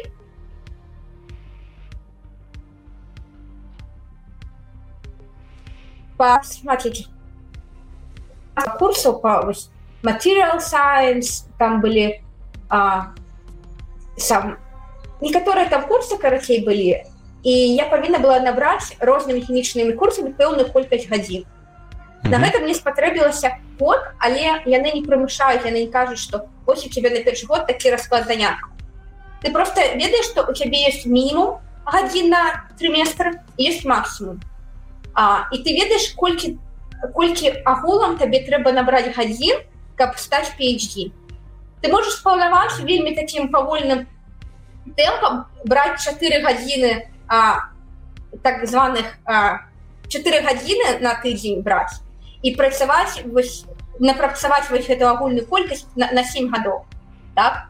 А можешь узяць максимум кожны триместр браць максимум і скончыць за год с этими курсамі і пачаць пісаць дысертацыю і хадзіць толькі ў лабараторыю да свайго прафесара і працаваць толькі вот на напісаннем этих паперак А кошт кошт які ты плоціш універсітэту залежыць ад таго колькі ты гадзін на тыдзень займаешься? Не. Тобто калі ты 7 7 7 7 гадоў э, на 7 гадоў расцягваеш ты у 7 разоў больш плоціш чым і калі б ты за год все это прыйшоў. Але ж ты не плоціш ты ходзі ты ты атрымліваешь стипендію а, ты точно, точно. ты працуеш дапамагаеш прафесару і ты можаш па сутнасці калі сябе задавальня задавальняе цалкам сітуацыя мяне шчыра кажуць задавальняла я могла быць студэнтам і яшчэ шмат гадоў потому что мне здавалася что мне ўсяго хапае на стыпендію тую а, і можна было б расцянуць але я скончыла усе вось гэтыя курсы якія патрэбны былі у першы год. І тут трэба трэба сказаць что гэта было занадта амбіцыёзны проект потому что я як прывыкла до того что у нас вось ва універсітэце курс ты прыйшоў раніцай і вечар ты скончыў. Ты цэлы дзень там на занятках. А, і гэта па, па мерках вось амерыканскіх гэта ты ўжо пра вось на максімалках. І я ў першы трыместр узяла чатыры курсы я думаю о чатыры прадметы ну нормально нават мало і атрымалася так что я просто не выходила з універсітэта. І там выходишь з універсітэта робіш домаш хатняе заданне яшчэ такое ж самае як як на лекцыі потым по-другому прадметы тое самае і ты просто вось з такими вачами зашиваешься. семестр сканчаешь але ўсё ж таки атрымалася хутка на другі триместр я я узяла меней курсаў на трэці триместр яшчэ меней але ўсё ж таки скончыла даволі хутка Окей ты набираешь гэты мінімум по прадметах гэта адно з патрабаванняў так что нет другое патрабаванне написать таки диссертацию.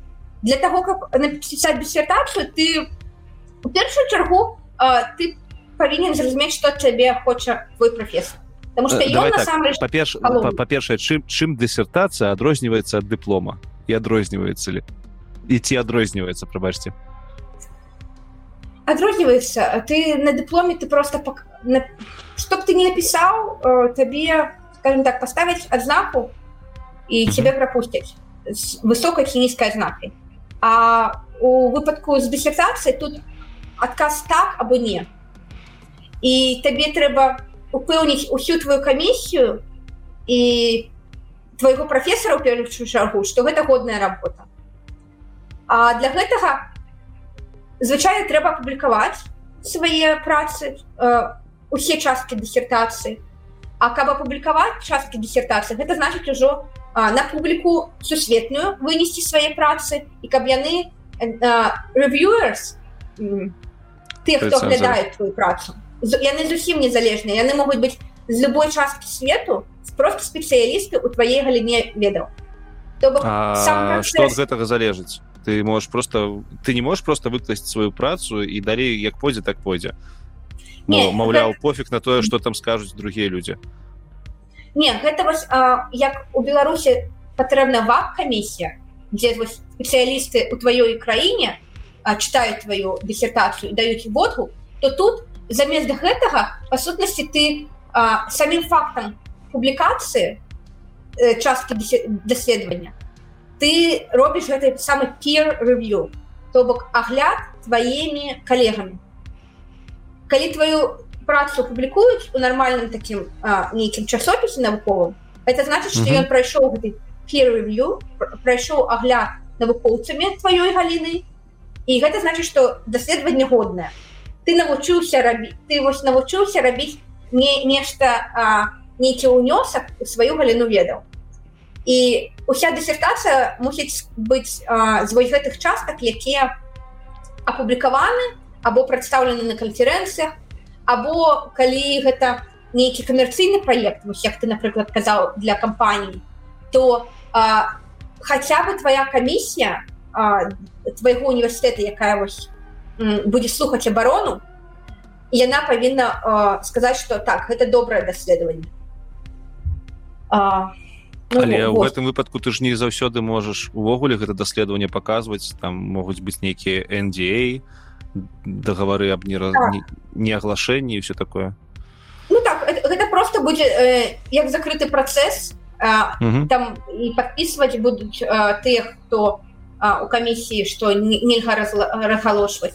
І ты ж не просто не пішаш што ніколі нельзя нельга разгалошваць. Там заўсёды дэтэрмін ёсць калі то напрыклад моя дысертацыя яна толькі праз год выйшла в онлайн потому что там была частка якая была запатэнцавана і mm -hmm. вось яна таксама была вось под гэтымі договорамі. Просто пазначыў что так і так вось гэта частка яна не выносіцца на абарону або калі выносіць тогда гэта будзе закрыты працэс абароны і просто все удзельнікі будуць ведаць что так і так вось гэта публічна не ніяк не абмярковаем ці складана апублікаваць сваю працу. І тут трэба зразу зразу напэўна падкрэсліць што твоя праца я глядзеў тое што ты мне скідала там напэўна 6 публікацый было і ўсе гэтыя публікацыі былі зроблены ў камандзе тобто там не толькі ты адна была там было шмат яшчэ нейкіх дзяўчын ды хлапцоў якія таксама я так разумею з табой працавалі сумесна так вось ці складана гэтую працу апублікаваць і ці ёсць у ну давай спачатку ці складана? Я б сказала что гэта не складана калі твой проект і твой кіраўнік напісаў добры грант. А, калі ён дакладна паставіў мэты і і ўсё зразумела что цябе рабіць. Вельмі часто бывае что проектнак які ты попадаешь ён просто самага пачатку не зусім лагічны і тады ты сам просто застаешься один на один свой гэтай праблемы что табе трэба штосьці апублікаваць а профессору трэба трэба таксама неяк справаздачу даць. А ты бачыш что ну тут нешта прапанавалі зусім нереальное а тое что ну просто цяжка выканаць. То бок у маім выпадку ўсё было даволена даволі таки просто мне здаецца что у хімію як у галіне даволі даволі просто все ж таки апублікаваць нейкі артыкул урэшце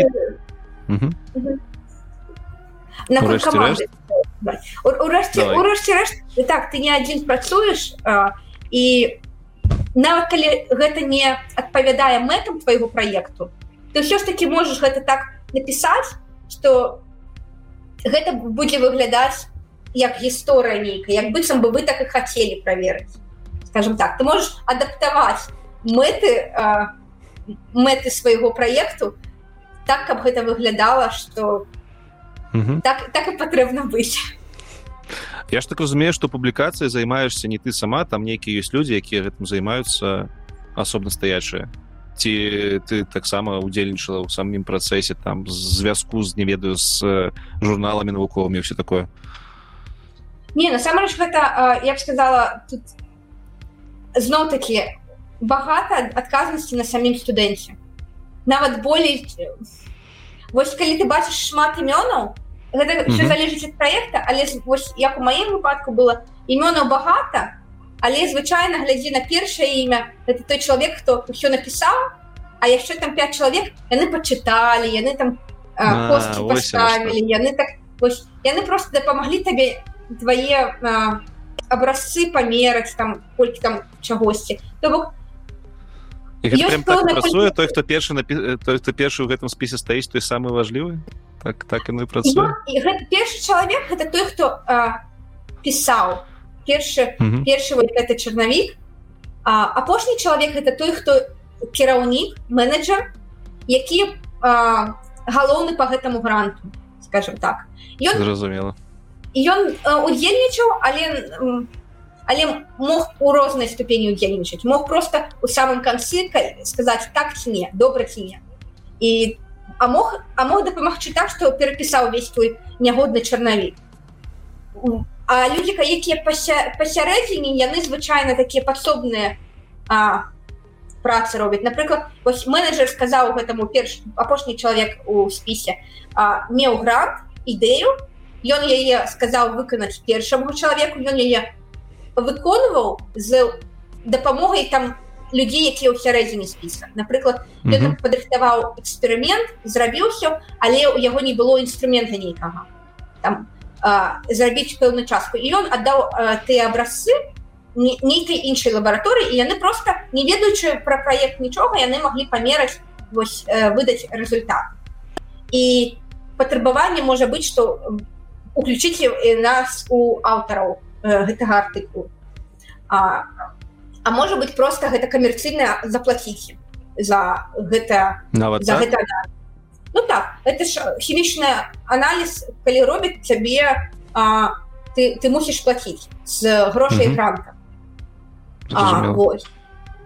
І то бок як так звычайна гэта першы апошні чалавек але ну залежыць ад праекту. Бываеш такое что добра а добра добра добра. Шмат пытання насамрэч ці залежыць на фінальнае вырашэнне вось гэтых людзей якія якія вызначаюць ці гэта праца доктарская ці не ці залежыць практычны результат самой працы. Тобто бываюць працы пра нейкія даследаванні фундаментальныя напрыклад а бываюць працы з прыкладным прымяне прымяненнем ці залежыць ад гэтага тое як пойдзе. Э, не не залежыць. Гэта такое як я бачу вельмі такое моцнае адрозненне ад беларускага беларускай дысертацыі ад амерыканскай. Потому что канцэпцыя атрымання PhD гэта тое что ты навучыўся рабіць даследаванне.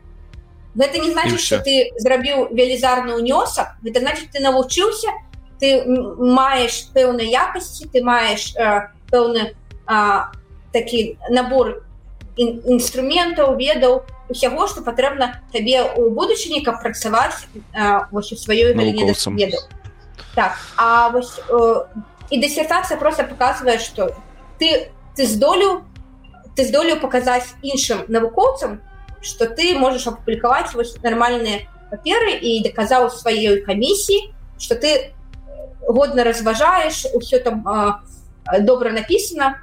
Але няма такого патрабавання что ты павінен нешта зрабіць такое грандыёзнае ці там прыкладное наколькі я ведаю беларусі ўсё ж таки ты ацэньваюць сам все ж таки что ты атрымаў у выніку наколькі гэта а, дадае дадае ведаў а, у твою галіну гэта, гэта цікавы point тому что так у нас у беларусі там Росія ставіцца да кандыдату як прям да навукоўцаў навукоўцаў якія там зрабілі ўжо шмат за сваё жыццё а тут атрымліваецца что ты просто падкры показваешь что ты можешь весь працэс навуковай працы пакрыць усё і гэта азначае что ты уже PhD менавіта вось на гэтага я табе сказала на пытанне что як аспірант як кандыдат доктор і PhD як гэта все адносіцца. Гэта быццам бы вышэйшая навуковая ступень як у нас доктор але дакладна гэта не доктор але сказаць что гэта кандыдат ну не зусім потому что мэты розныя. Кандыдаты ты становішся калі ты штосьці такое зрабіў напрыклад там практычнае ці фундаментальнае нешта адкрыў. А тут PhD гэта значит ты ўжо навучыўся быць навукоўцам. То бок трошки розныя мэты і яшчэ дадатковы confusion яшчэ і тое дае что PhD гэта доктор філософ то бок ты вычуў бы доктор але не зусім той доктор навук які у беларускім сэнсе. А з другога боку гэта вышэйшая ступень навуковая у свеце. Ну цяжка сказаць кто такі гэта гэта можа трэба павярнуцца ў Беларусь ды атрымаць тут доктарскую зрабіць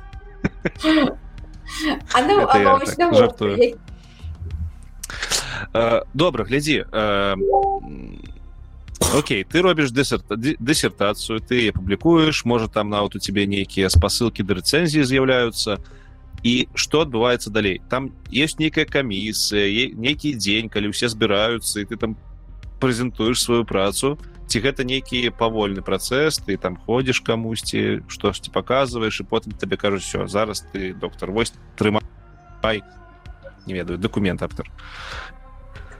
Не ты, ты збіраеш сам сваю камісію там колькі 5 чалавек прафесароў свайго свайго факультэта можа там яшчэ нейкі прафесор не свайго універсітэта ты публічна ставіш дату сваёй абароны каб любы чалавек мог прыйсці хоць хоць з вуліцы а, хоць любога факультэта звычайна гэта збіраецца весь факультэт вось усе сядзяць і слухаюць як ты гадзіну расказваеш што ты рабіў апошніх 5 гадоў потым задаюць пытанні а, а пасля гэтага усе вось гэта вся публіка сыходзіць застаюцца толькі людзі сваёй камісіі прафесара а, а гэтым людям ты за мінімум месяц мусіш аддаць сваю гатовую працу каб яны яе прачыталі і далі свае каментары падрыхтавалі пытанне для абароны. То бок ось гэту гадзіну калі ты застаешься з этой камісіі яны ўжо табе выскажуць усе пытанні якія ўзніклі падчас чытання твоей працы. Ты і ты тут э, або ты откажешь неогодно что не так было або скажешь что дайте мне яшчэ месяц выправіць что магчыма ці там нейкіе дадатковыя даследаванні можа яшчэ зрабіць або просто патлумачыш і напішаш інакш сам тэкст А можа можа хтосьці з камісіі скажа что не зусім я гэта просто не прымаю гэта нейкая лухта не веру і, і глупства і тады ты просто не абараняешься зусім а, як бы ну не вед не ведаю таких выпадкаў ведаю толькі выпадкі что калі такое такое кажуць чалавек просто ідзе і зноў яшчэ год там дадатковае нешта робіць зноў таки публікуе і а ты не можешь просто новую камісію сабраць без гэтага чалавека які да цябе дакапваецца не не. Это чалавек okay. это людзі камісіі якіх ты выбіраеш а амаль што на самага пачатку калі ты выбіраеш тэму дысертацыі. Окей. А далей што? Табе выдаюць нейкую паперу я не ведаю нейкі дыплом толькі не дыплом аспіратром я не ведаю як это называецца. Что что адбываецца? Потым ну так у электронным тваім запісе нам на сайте студэнта там пішаш што ўсё абараніў. Яшчэ месяц табе даюць каб ты а, там зрабіў рэдагаваў там патрабаванне універсітэта там яшчэ нешта змяніў. А, а потым усё праз некалькі там месяц то табе дасылаюць на пошту да дамоў дыплом такую кніжачку что ты ўсё пейдзі але як толькі ты сканчаеш вось абарону цябе ўжо адразу зразумела что все я баранюсь Вось, mm -hmm. ты выходзіш з э, кабінета пасля гэтай гадзіны з прафесарамі пасля гадзіны публічнай гэтай абароны і ты ўжо ведаеш што ўсё ўсё готова і праз пару месяцаў ты атрымаеш кніжачку тую так. важно сказаць што ты павінен гэтую камісію сабраць і гэтую абарону падрыхтаваць можешь у любы момант вось ты адчуў што ўсё я готов моя дысертацыя готова і ты пішаш email кожнаму сваім свай, са сваёй камісіі кажа што якая вам дата падыходзіць любы момант колькі у тебе год э, пайшло на дысертацыю на атрыманне PhD? Есть зараз. Три з паловай это, гэта, гэта хутка гэта, гэта вельмі звычайна з чатырох до семи гадоў вось не так бывае больше так разумею. Залежыць ад спецыяльнасці залежыць зноў таки ад тэмы ад гранта.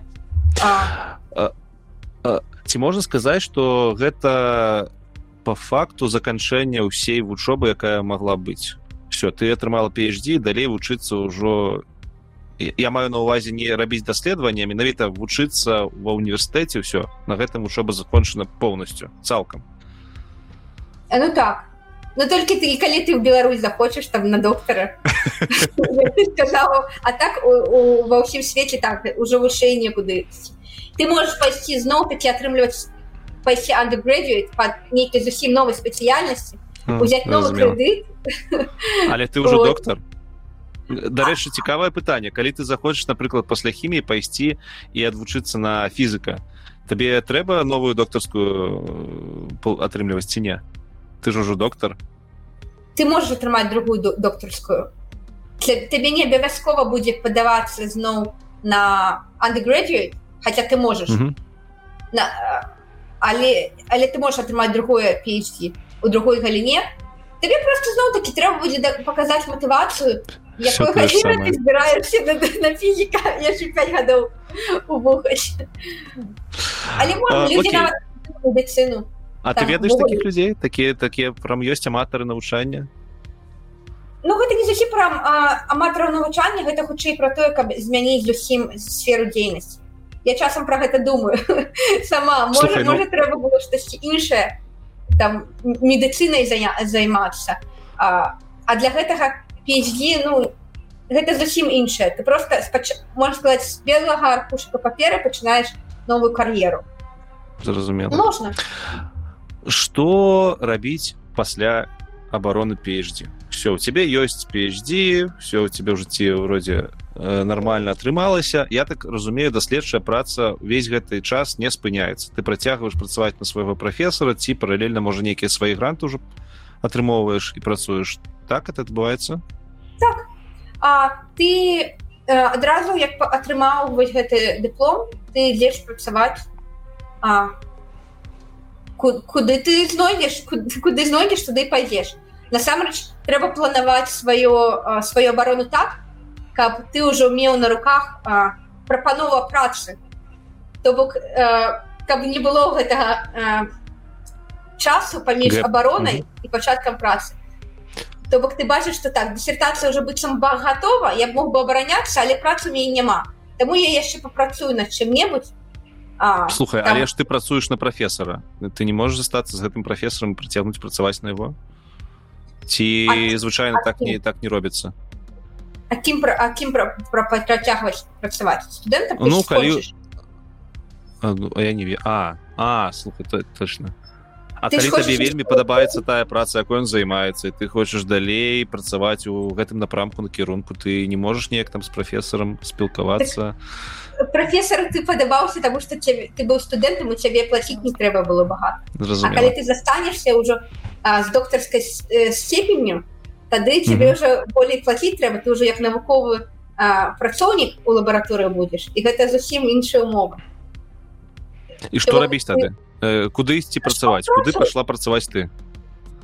А, ну вось у аргонскую нацыянальную лабараторыю то бок я спачатку знайшла гэту працу а, а потым я э, падалася ну, на абарону дысертацыі так каб вось адразу пасля абароны я там на працягу таго ж месяца я ўжо пачала працу на кампанію тут вось наконт таго застацца з прафесарам калі у тебе добрыя адносіны з прафесарам і ты э, нармальны чалавек ён параіць себе дакладна параіць іншым людзям кому патрэбны менавіта не студэнты а вось супрацоўнікі ў лабараторыі і ў маім выпадку так і было что мяне параілі і я падалася на працу дзе якую параю мой прафесор то бок гэта па рэкамендацыі было і ўвогуле вось сістэма рэкамендацыі у ЗША гэта ну, вельмі важная рэч. Ты звычайна мусіш мець рэкамендацыю ось ад свайго прафесара і на гэта глядзяць. Таму што ты, ну, ты працаваў 5 гадоў з ім хто яшчэ лепей будзе ведаць тваю які ты добры навуковец калі не прафесор ну, скажем так. А профе а прафесора можна пойти працаваць пасля атрымання можна але але канкурэнцыя вельмі высокая. Калі есть несколько некалькі напрамкаў куды ты можешь пайсці калі ты вось ужо PhD а, на, я я вось глядзела там вебінары на гэту тэму каля 80соткаў ідуць у прамысловасць і mm -hmm. толькі 20соткаў застаюцца вось у акадэмічнай акадэмічным асяроддзе Таму што канкурэнцыя вельмі высокая. Уявіць ты толькі скончыў сваё PhD а хтосьці ўжо адпрацаваў у даследчым універсітэце і ён яго лепей узяць прафесарам тому што ў яго ўжо спіс дасягненняў вялікі і ну трэба вельмі так пастарацца каб адразу пасля PhD у цябе был быў нейкі вельмі выдатны досвед. І выкладанне прадмета і даследаванне каб твоё было такое выбітное что цябе узялі а нейкага там нейкага даследчыка які ўжо там 10 гадоў працаваў навуковай сферы яго не ўзялі. А ён таксама можа можа захацець стаць прафесарам. Это такая такое добрае месца прафесура.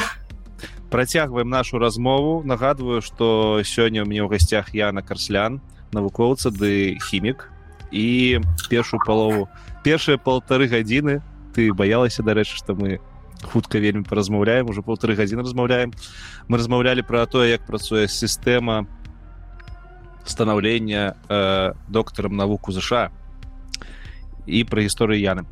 А зараз мы дайшлі до таго моманту калі я хочу запытаць цябе Яна чым ты займаешься ў арэгонскай нацыянальнай лабараторыі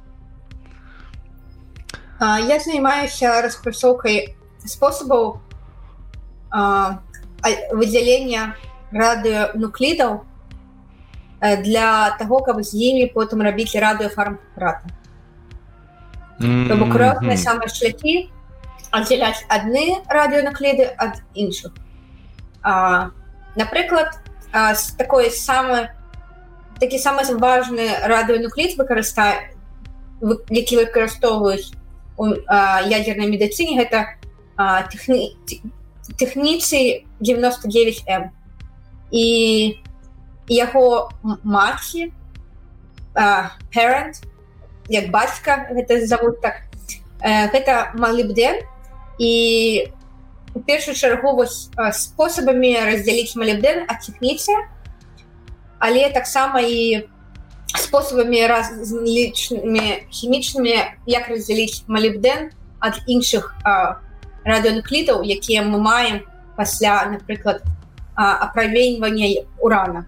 Там уран распадаецца на шмат розных элементаў хімічных радыонуклітаў але нам з гэтай ўсёй мешаніны патрэбен толькі малібден ну нам нам шмат чаго патрэбна але вось для маіх там праектаў у наша мэта знайсці як выдзеліць малібден найбольш а, простым а, танным а, спосабам і як потым вылучыць тэхніцый 99 м ад малібдена і там шмат шмат хад, шмат хадовачак таких што можна рабіць у залежнасці ад таго як мы праменілі і што мы праменілі з самага пачатку для якой кампаніі гэта гэта ўсё як бы для того как знайсці больш такія танныя і спосабы гэтага пайшла жара пайшла жара. У мне чацвёртая гадзіна раніцы і у нас пайшла жара.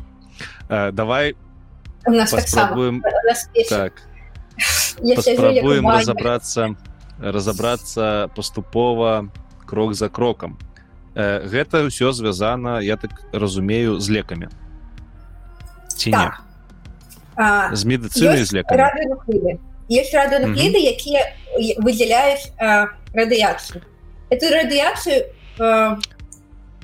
радыонукліды я так разумею гэта нейкія нейкія вялікія атамы ці што гэта ці гэта малеку што гэта такое радыонукліды радыонукліды гэта пэў пэўны атам пэўнага элемента а, з пэўным пэўнай колькасцю не толькі протонаў але і нейтронаў. Тут мы нам трэба вярнуцца да самых азоў. Калі мы кажам пэўны элемент мы маем на увазе што у атаме гэтага элемента ёсць пэўная колькасць протонаў. Але колькасць нейтронаў яна не вызначана. І вось гэтая колькасць нейтронаў яна а, кажа нам что гэта за радыонуклід гэтага элемента вось напрыклад ёсць углерод. У яго там 6 протонаў. Але можа быть 5 нейтронаў і 5 і або 6 нейтронаў у яго ядре. І ў залежнасці таго колькі гэтых нейтронаў ён гэты углерод будзе звацца углерод 12 або углерод 11 а, і гэта, гэта будуць цяжкай цяжкай вадой дэйтэры і і не Вось лепей бы я з яго пачала вось ёсць вадарод вадароды дакладна ёсць один протон. Вадарод гэта тое што кажа нам што гэта пра гэта вадарод але ў вадарода гэтага можа быць не толькі один протон у ядре але один нейтрон або два нейтрона. І сумарна у яго ядре будзе вось масса 3 або 2 так і калі у яго два нейтрона один протон гэта будзе звацца там трыхі там дэйтэры калі один протон один нейтрон, mm -hmm.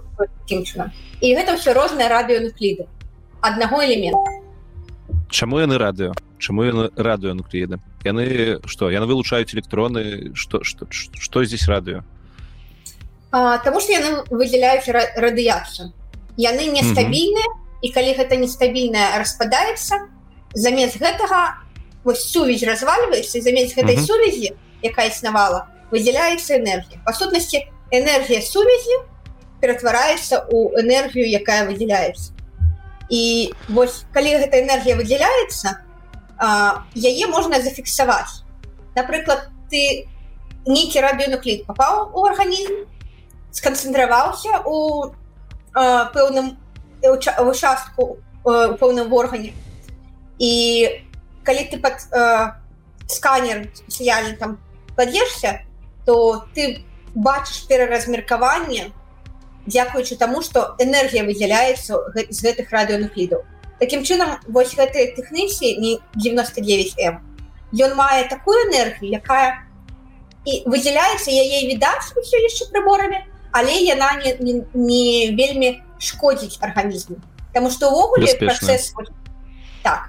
То бок гэта такая вось э, такі вельмі зручная у яго энергія у гэтага тэхніцы што яго вось выкарыстоўваюць у для дыагностыкі розных там захворванняў. Слухай А гэта звязана з тым што там гэта энергія і мала і таму яна не разбурае там нейкія я не ведаю малекулярныя структуры ці гэта энергія на якая-то асабістая. Чаму напрыклад там не ведаю такого-нибудь урану радыактыўнага у нас там ўсё э, э, разбураецца А вось ад гэтага элементу все нормально так ну, першы крытэр гэта так каб энергія была не, не так не такой багатай не такой вялікай каб разбурыць нейкія малекулярныя структуры А другого пункту гледжання яшчэ важна, каб тое, во што ён распадаецца гэты элемент, калі вось ён спаўся выдзеліў энергію, каб тое тыя самыя кавалачкі былі ўжо больш-менш стабільныя, не працягвалі бясконца распадацца і шкодзіць арганізм.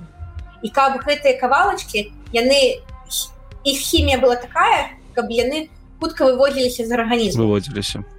Разумела Вось. І сам гэты працэс распада быў не дужа хуткі і не дуже доўгі Таму что вось калі ты сказал про уран каб ёсць такой як перыяд полу распада так? І так, так. калі для что значыць палова палова пэўнай колькасці гэтых атамаў распадзецца праз пэўную колькасць час і калі гэты час вельмі вялікі то атрымліваць ты з'еў нешта для дыягностыкі але жыццё пройдзе а яно яшчэ не распадзецца А можа быць і так што распадзецца, але на штосьці таксама радыактыўнае. А навошта каб яно распадалось калі яно можа просто выйсці з арганізму ці яно павінна распасться на нейкія др... больш дробныя элементы каб э, выводзілася як гэта працуе і то і тое працуе трэба каб і хутка выводзілася і каб хутка распадалась потому что наша мэта нешта дыагнаставаць і хутка ад гэтага пазбавіцца з мінімальнай шкоды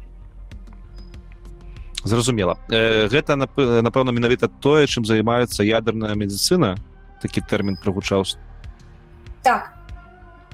І тады я так разумею практычнае прымяненне твоей працы гэта ось дэтэктаванне я не ведаю э, не дэтэктавання а прагляд наскрозь усялякіх органаў ці для чаго гэта робіцца. Вось вы был ты э, працуеш над тым каб э, атрымаць нейкія элементы якія выкарыстоўваюцца для чаго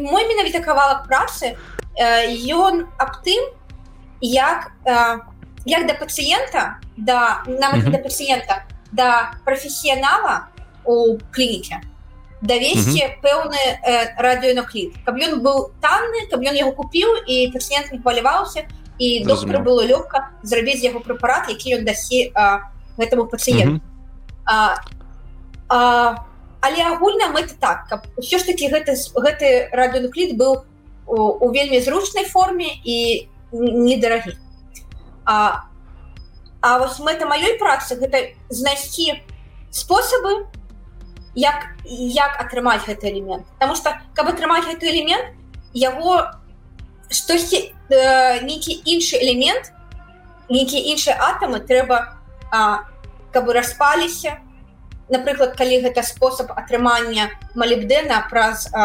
апраменьванне урана 235 то бок мы апраменілі штосьці зусім іншае вельмі вялікі атам дзе багата пратонаў нейтронаў і яно распалася на шмат кавалачкаў і адзін з тых кавалачкаў гэта тое што нам патрэбна малібдэн і мы вось распрацоўваем спосаб як атрымаць з гэтага супа вось гэты малібдэн ёсць іншыя шляхі. Напрыклад не з а, урана атрымаць той кавалачак а напрыклад атрымаць а, непасрэдна з апраменьвання малібдэна і зноў-таки па іншай зусім ядзернай рэакцыі атрымаць ужо тэхніцыі і тут ужо мэта будет зусім іншая гэта вось одна частка маёй працы вось якая тычыцца малібдэннай тэхніцы потому что мы дакладна ведаем что нам тэхніцы патрэбен нам толькі трэба знайсці добры а, спосаб каб яго атрымаць. Добрый гэта да... значыць э, недарагі нет так? Так. Потому что зараз такая ситуация что ну нават у нават у Росіі гэта спосаб такі лічыцца блатны як бы выкарыстоўваць радыё медыцыну А у той час як шмат я... вялікая колькасць краін зусім не мае доступу да такога спосабу яны просто не могуць дыягнаставаць Таму што для іх тэхнічна не дасягальны вось некаторыя праекты тычыцца таго каб зрабіць настолькі таныя каб краіны якія яшчэ не вельмі эканамічна стабільныя мелі ўсё ж такі доступ да вось гэтага э, спосаба дыягностыкі слухай у, а у цябе гэта даследчая праца? Ці ты просто там робіш больш і больш гэтага тэхніцыя то есть як размеркаваць? Даследчая тобто ты вынаходзіш больш таныя крыніцы э, атрымання тэхніцыя э, насамрэч ёсць некалькі направкаў адзін які mm -hmm. займаецца зусім нечым новым а другі напрамак дапамагае кампаніям якія ўжо хочуць хочуць вырабляць працэс настраиваць так, іх просто трэба адаптаваць под іх умовы mm -hmm. я кажу просто але гэта вельмі непросто тому что ты не можешь просто ўзяць і вырашыць что я я я пабудуй зараз тут вось рэакт і гэта самы такі класічны спосаб атрымаць малібдэна тэхніцы это вось класіка з ядзернага топліва ядзернага паліва. Але ўсё ж таки меры бяспекі ў свеце змяніліся і зараз імкнуцца до таго каб атрымліваць яго з удзелам скаральнікаў. То бок без урана без вось гэтага рэактара і шмат чаго небяспечнага а все ж таки не напрамую апраменіць малібдэн натуральны напрыклад чымсьці і атрымаць по прамой рэакцыі тэхніцы і потым хімічным спосабам раздзяліць то бок кампаніі якія займаюцца я нават адаптацыя под іх не, нечага. Гэта ну вельмі складаны працэс. Там усё залежыць ад усяго. Але вось, калі ты спытаў пра даследча і ну, гэта даследаванне у класічным сэнсе друг другі яшчэ напрамак это я сказала про тэхніцый але яшчэ шмат якіх ізатопаў зусім не даследаваны можа яны і добрыя для медыцынскіх целей мэтаў але яшчэ не пабудавана вось гэта структура сістэма што рабіць імі каб іх атрымаць. Яны пад... ну, вось, гэта вельмі складаны працэс як як зразумець што вось гэты ізатоп нам таксама можа быць карысны Таму что там і медыкі павінны дамовіцца з даследчыкамі даследчыкі павінны зразумець што лёгка атрымаць а медыкі павінны праверыць ці ці шкодна гэта для пацыента наколькі гэта спалучаецца з іх радыёфармпрэпаратамі Таму что нам же яшчэ ёсць такі кірунак что ты не просто показываешь што які дзе накапліваецца вось гэта радыонуклід яшчэ можна і цягнуць нейкія фан-прэпараты разам з гэтым радыонуклідам то бок гэты радыонуклід ён павінен спалучацца з нейкім арганічным так? З... не перашкожваць ну, ему. Ці нават не ну, вывозіцца хутчэй і каб просто ага. засяродзіцца ў пэўным органе які патрэбен. То бок гэта вось такая э, галіна міждысцыплінарная. І медыкі і там хімікі арганікі і радыохімікі павінны дамовіцца і яшчэ з палітыкамі дамовіцца Таму што палітыкі ў любы момант могуць сказаць што ой а нам такі шлях не працуе таму што вось і, не так давно сказалі што ўсё рэактары давайте ўжо будзем все ж таки пераходзіць на нешта іншае і а, і трэба цалкам мяняць вось гэта на нешта а на нешта прыдумайце самі так? На што перадумайце так, самі так. Окей глядзі падаецца что тут ну тут як это кажуць тут дакладна не толькі хімія тут і фізіка тут і біялогія тут тут все і вось все что ты мне рассказывала я тут пачуў у асноўным фізіку і толькі ў один момант ты сказал что там хімічным путём мы потым э, разделяем я не ведаю ту той парашок які атрымаўся ці што мы разделяем хімічным способам тобто ты займаешься менавіта гэтым э, разлучэннем элементаў ці ты займаешься нават і фізікай нейкай яшчэ чым-то ну вось команда команды сапраўды наши складаюцца з фізікаў і фізікаў і хімікаў Таму что частка команды якая займаецца апраменьваннем пэўных рэчваў якія працуюць на паскаральнікі яны фізікі яны ведаюць якую там дозу даць яны ведаюць як мадэліраванне зрабіць каб атрымаць то што мы, мы хочам пэўны склад хімічны у фінальным растворы то бок вось з гэтай цэлай каманды я адказваю за хімічную частку. Але гэта як бы пастаянная праца міждысцыплінарная є фізікі хімікі і адно без аднаго мы не можем працаваць но зусім тому что ось як ты кажаш весь гэты складаны працэс я не могу вырашыць что мы можем атрымаць пасля праменьвання яны не могуць зразумець что яны могуць зрабіць з тым что яны апраменілі атрымалі з пункту гледжання хіміі ці магчыма гэта раздзяліць Вось і таму гэта вось... такі працэс ось А вось цікава наколькі у тебе по тваім адчуванні асабістым моцная база у фундаментальнай фізіцы тобто ці гэта там было некалькі курсаў на хімфаке і ўсё ці ты якія ты ж якісьці яшчэ курсы дапаўняльныя праходзіла калі навучалася ў ЗША? Менавіта вось якія тычацца маёй цяперашняй працы? Так, так, так. это агульна такое пытанне? Менавіта тое што тычыцца зараз тебе на твою працу ну, як я зараз гляджу что ну так база нейкая ўсё ж таки патрэбна але яно ўсё роўна нават па хіміі э, вымушана вучыцца по ходу по ходу працы. Ты не можаш усё зразумець потому что кожны раз ты прыходзіш і гэта канкрэтныя умовы канкрэтная вось хімічныя вось умовы якія мы маем яны іх заўсёды трэба эксперыментам правяраць вось канкрэтна тут напрыклад калі мы працэс адаптуем а, і мы мы мусім ведаць дакладна там каб не было праблем і тут ты можаш ведаць як тэорыя працуе але гэта тэорыя насамрэч не, не так і часто працуе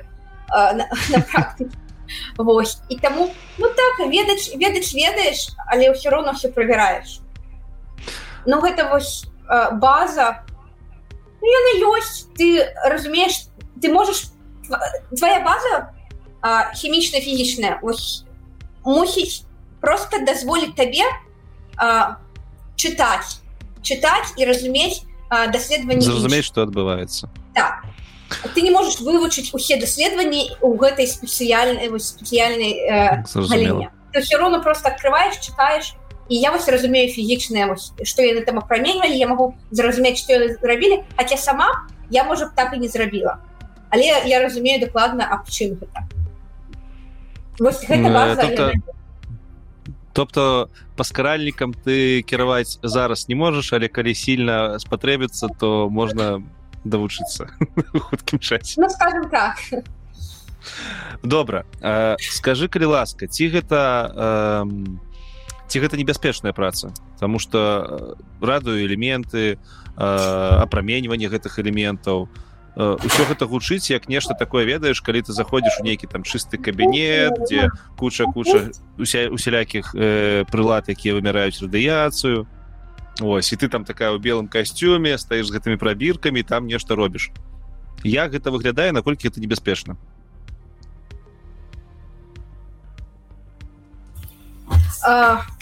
Гэта кантралюемая небяспека.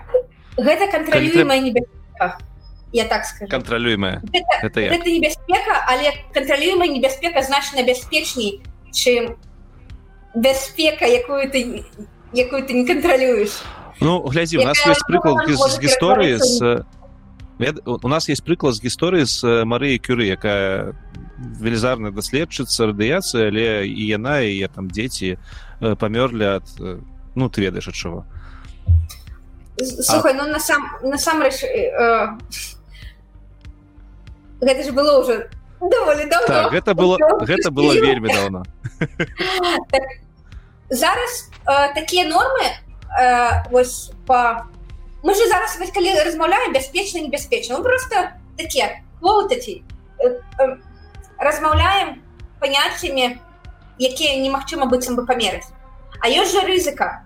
Ёсць рызыка так. э, кожнай падзеі і вось з пункту гледжання того да чаго давялі меры бяспекі напрыклад у маёй лабараторыі там усё пралічана настолькі что рызыка атрымаць нейкае забруджванне радыяцыйнае яна яна вельмі нізкая меры бяспекі вельмі высокія кантралюецца кантралюецца кожны твой заход і твой выхад з гэтай зоны і кожны рух твой вось гэтай прабіркай ён натрэніраваны ты дакладна ведаеш прапісаў что ты будзеш рабіць ты абгаварыў что ты будзеш рабіць. То бок гэта не зусім так як было ў мары что я на дома там штосьці паліла суп памяшала і тут дзесяць карма тут усё як бы вельмі вельмі строга і з гэтага пункту гледжання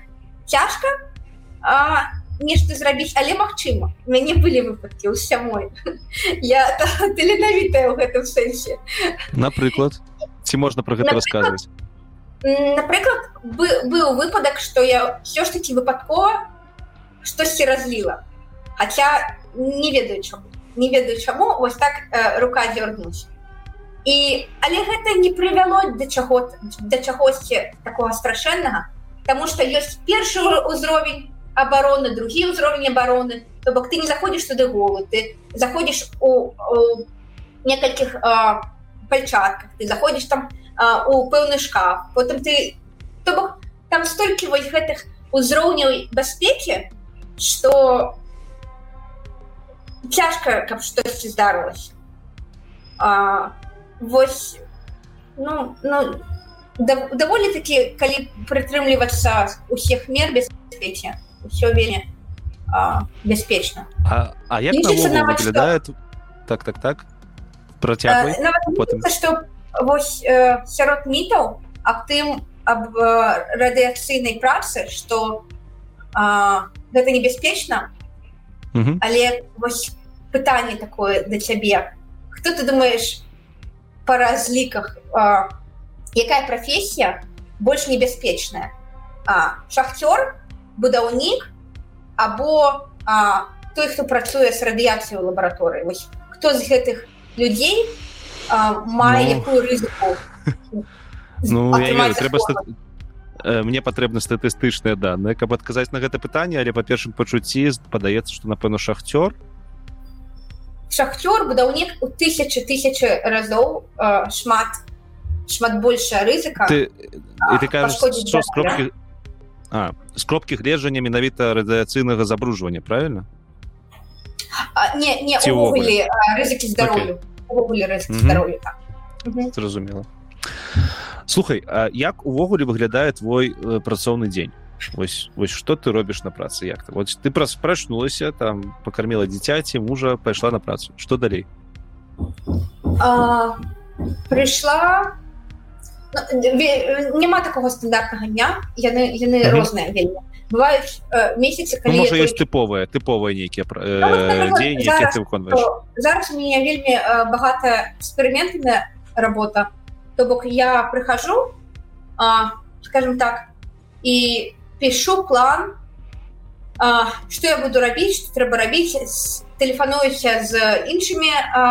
удзельнікамі нашай каманды что яны думаюць про гэту про гэты план якія яны прапануюць удакладненні до гэтага плану а гэта можа занимаць ну, там некалькі тыдняў напрыклад планаванне потым ужо фінальное вось напісанне гэтага плану А, а потым а, бываюць тыдні, калі я толькі выконваю, напрыклад, гэтую працу.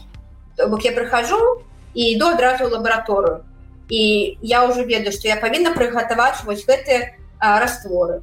Я мушу там сабраць нейкую сістэму з хімічнага сталявання і нешта там зрабіць. сюды дадаць раствор, памяшаць яго, дадаць іншы, памяшаць, трэба зрабіць фільтрацыю там праз фільтрацыйную сістэму правесці скласці тую фільтрацыйную сістэму потым там фазы раздзяліць вось а, вось гэта, вось гэта можа займаць таксама тыдзень скласці сістэму потым яе праверыць. Потым дамовіцца з часткай каманды якая ўсё ж таки апраменіць пэўная рэчыва радыяцыйная і гэты фінальны раствор радыяцыйны ужо прынесці ў гэту сістэму і а, выканаць сам эксперымент на той сістэме якую я там некалькі тыдняў будавала і правярала на так званым холодным растворе потым зрабіць один-два таких эксперыменты потым яшчэ месяц опісваць что ты рабіў что ты рабіў вось гэты апошнія некалькі тыдняў і что за вынік ты атрымаў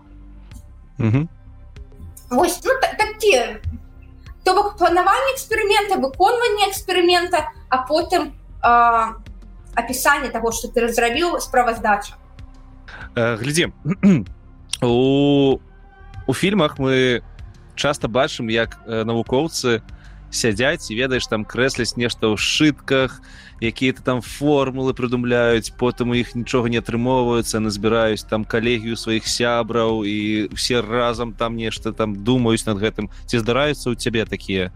Э, я не ведаю актыўнасці калі ты сядзіш і нешт некую тэорыю падымаеш каб э, зрабіць эксперымент. Сям'ёй або або на працы? На працы на працы.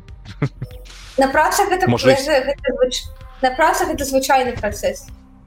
Калі так? пісала дысертацыю і, і, і мужу сям'і даставалася Таму ім тэорыя таксама тлумачылася на пальцах і А што б ты зрабіў тут калі калі вось то і то і пачынаеш тлумачыць што ну, ну вось гэта вось так.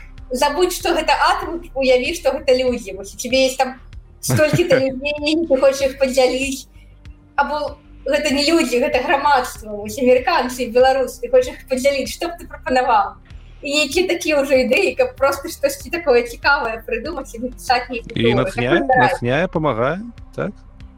Так вельмі, вельмі часто это працэс даволі крэатыўны і ніколі не ведаеш адкуль можа прыйсці цікавая ідэя асабліва калі гра пішаш па нейкай тэме то тут ужо ты спачатку чытаеш што ўвогуле зроблена а потым разумееш што зроблена амаль нічога і вельмі мала а шмат чаго якіх магчымасцей увогуле ёсць і тут ты же пачынаеш думаць А што з гэтых магчымасцей э, такое самае прыярытэтнае і тут ужо просто э, логіка нейкая вось асацыяцыі вельмі дапамагаюць ну, вось, я, я вельмі люблю асацыяцыі з грамадствам там і, і я люблю і ў хіміі адаптаваць А ці здараецца так што вось напрыклад э, у тебя есть некае пытанне над якім ты працуеш і недзе там я не ведаю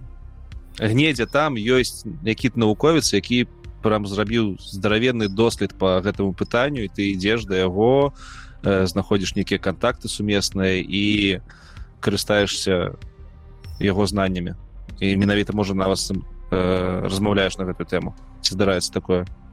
Так постоянно постоянно гэта вось як бы не просто здараецца гэта частка штодзённасці так скажем. А наколькі гэтыя людзі адчынены да размоў Ну, гэта як люб, люб, навукоўцы і адсотак адкрытых навукоўцаў такі ж самы як ад сотак адкрытых просто людзей іншай прафесіі некаторыя не адказваюць ну ладно. Можна паспрабаваць яшчэ раз напісаць а хтосьці адказвае хутка калі пісала дысертацыю я знайшла а, вельмі падобную тэму а, на расійскай мове чалавека там з новосібірска які ўжо далёка не навуковіцы уже у такім сталым узросце і я ему пісала ён не адказваў хутка. І ён быў вельмі рады что яго праца там з, з, з маладосці кагосьці зацікавіла і зараз. Але пэўне на лічбачкі пэўная частка мне было сапраўды цікава. І і вось атрымалася усталяваць вось гэты контакт просто праз email чалавек адкрыты быў гэта не... нормальная тема.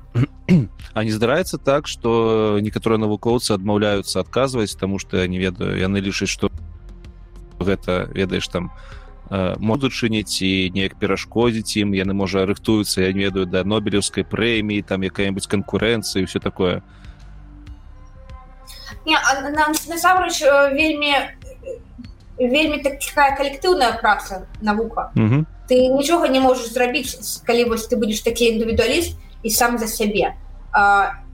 Гэта матывацыя рабіць як мага больш калабарацыі з іншымі людзьмі. Таму что вось нават з людзьмі якія не ў тваёй галіне а зусім быццам бы не спатрэбяцца ніколі. Заўсёды э, лепей мець кагосьці мець з імі добрыя стасункі каб у пэўны момант калі ты не разумееш нешта звярнуцца і просто вось так паразмаўляць а што да чаго.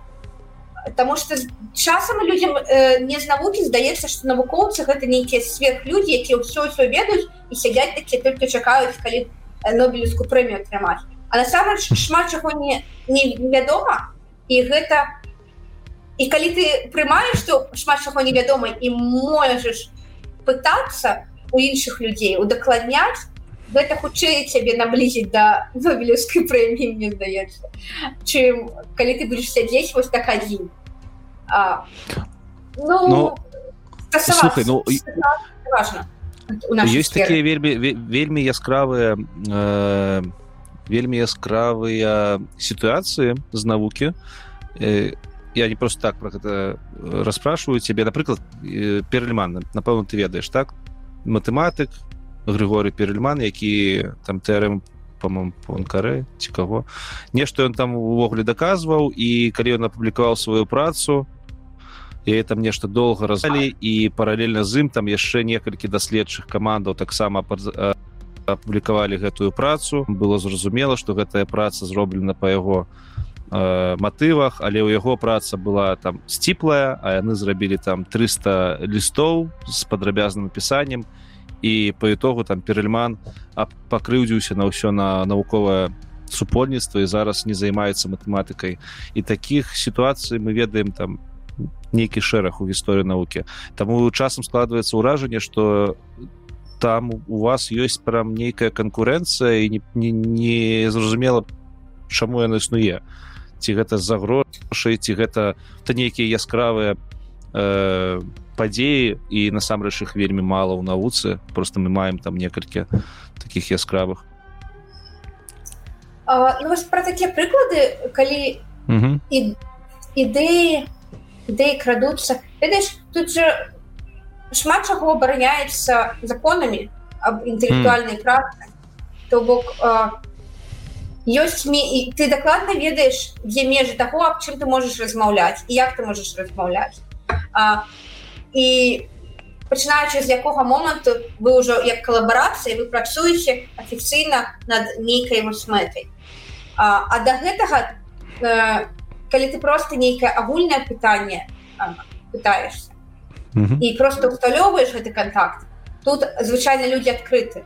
А калі ўжо пачынаецца напісанне там гранта або абмеркаванне нейкі канкрэтнай ідэі канкрэтную там мэту тут ужо а, тут уже іншыя правілы працуюць і вось то что ты сказал про перальмана но ну, гэты чалавек які як бы не ведаю можа матэматыкі зусім іншыя алгарытмы працуюць і там ты можаш адзін нешта зрабіць вось у той час у маей галіне ты не можаш нешта зразумела гэта вялікая розніца ну вось і атрымліваецца што калі вы працуеце над пэўнай такой прыкладной мэтай то вы ўжо ну як такі шлюбны контракт пішыце і, і вы ведаеце што ўсё з гэтага часу вы афіцыйна размаўляеце аб гэтым і вы каманда і калі штосьці нешта вам у галаву прыйдзе вы ўжо каманда так? І вы ўжо разам над гэтым працуеце а,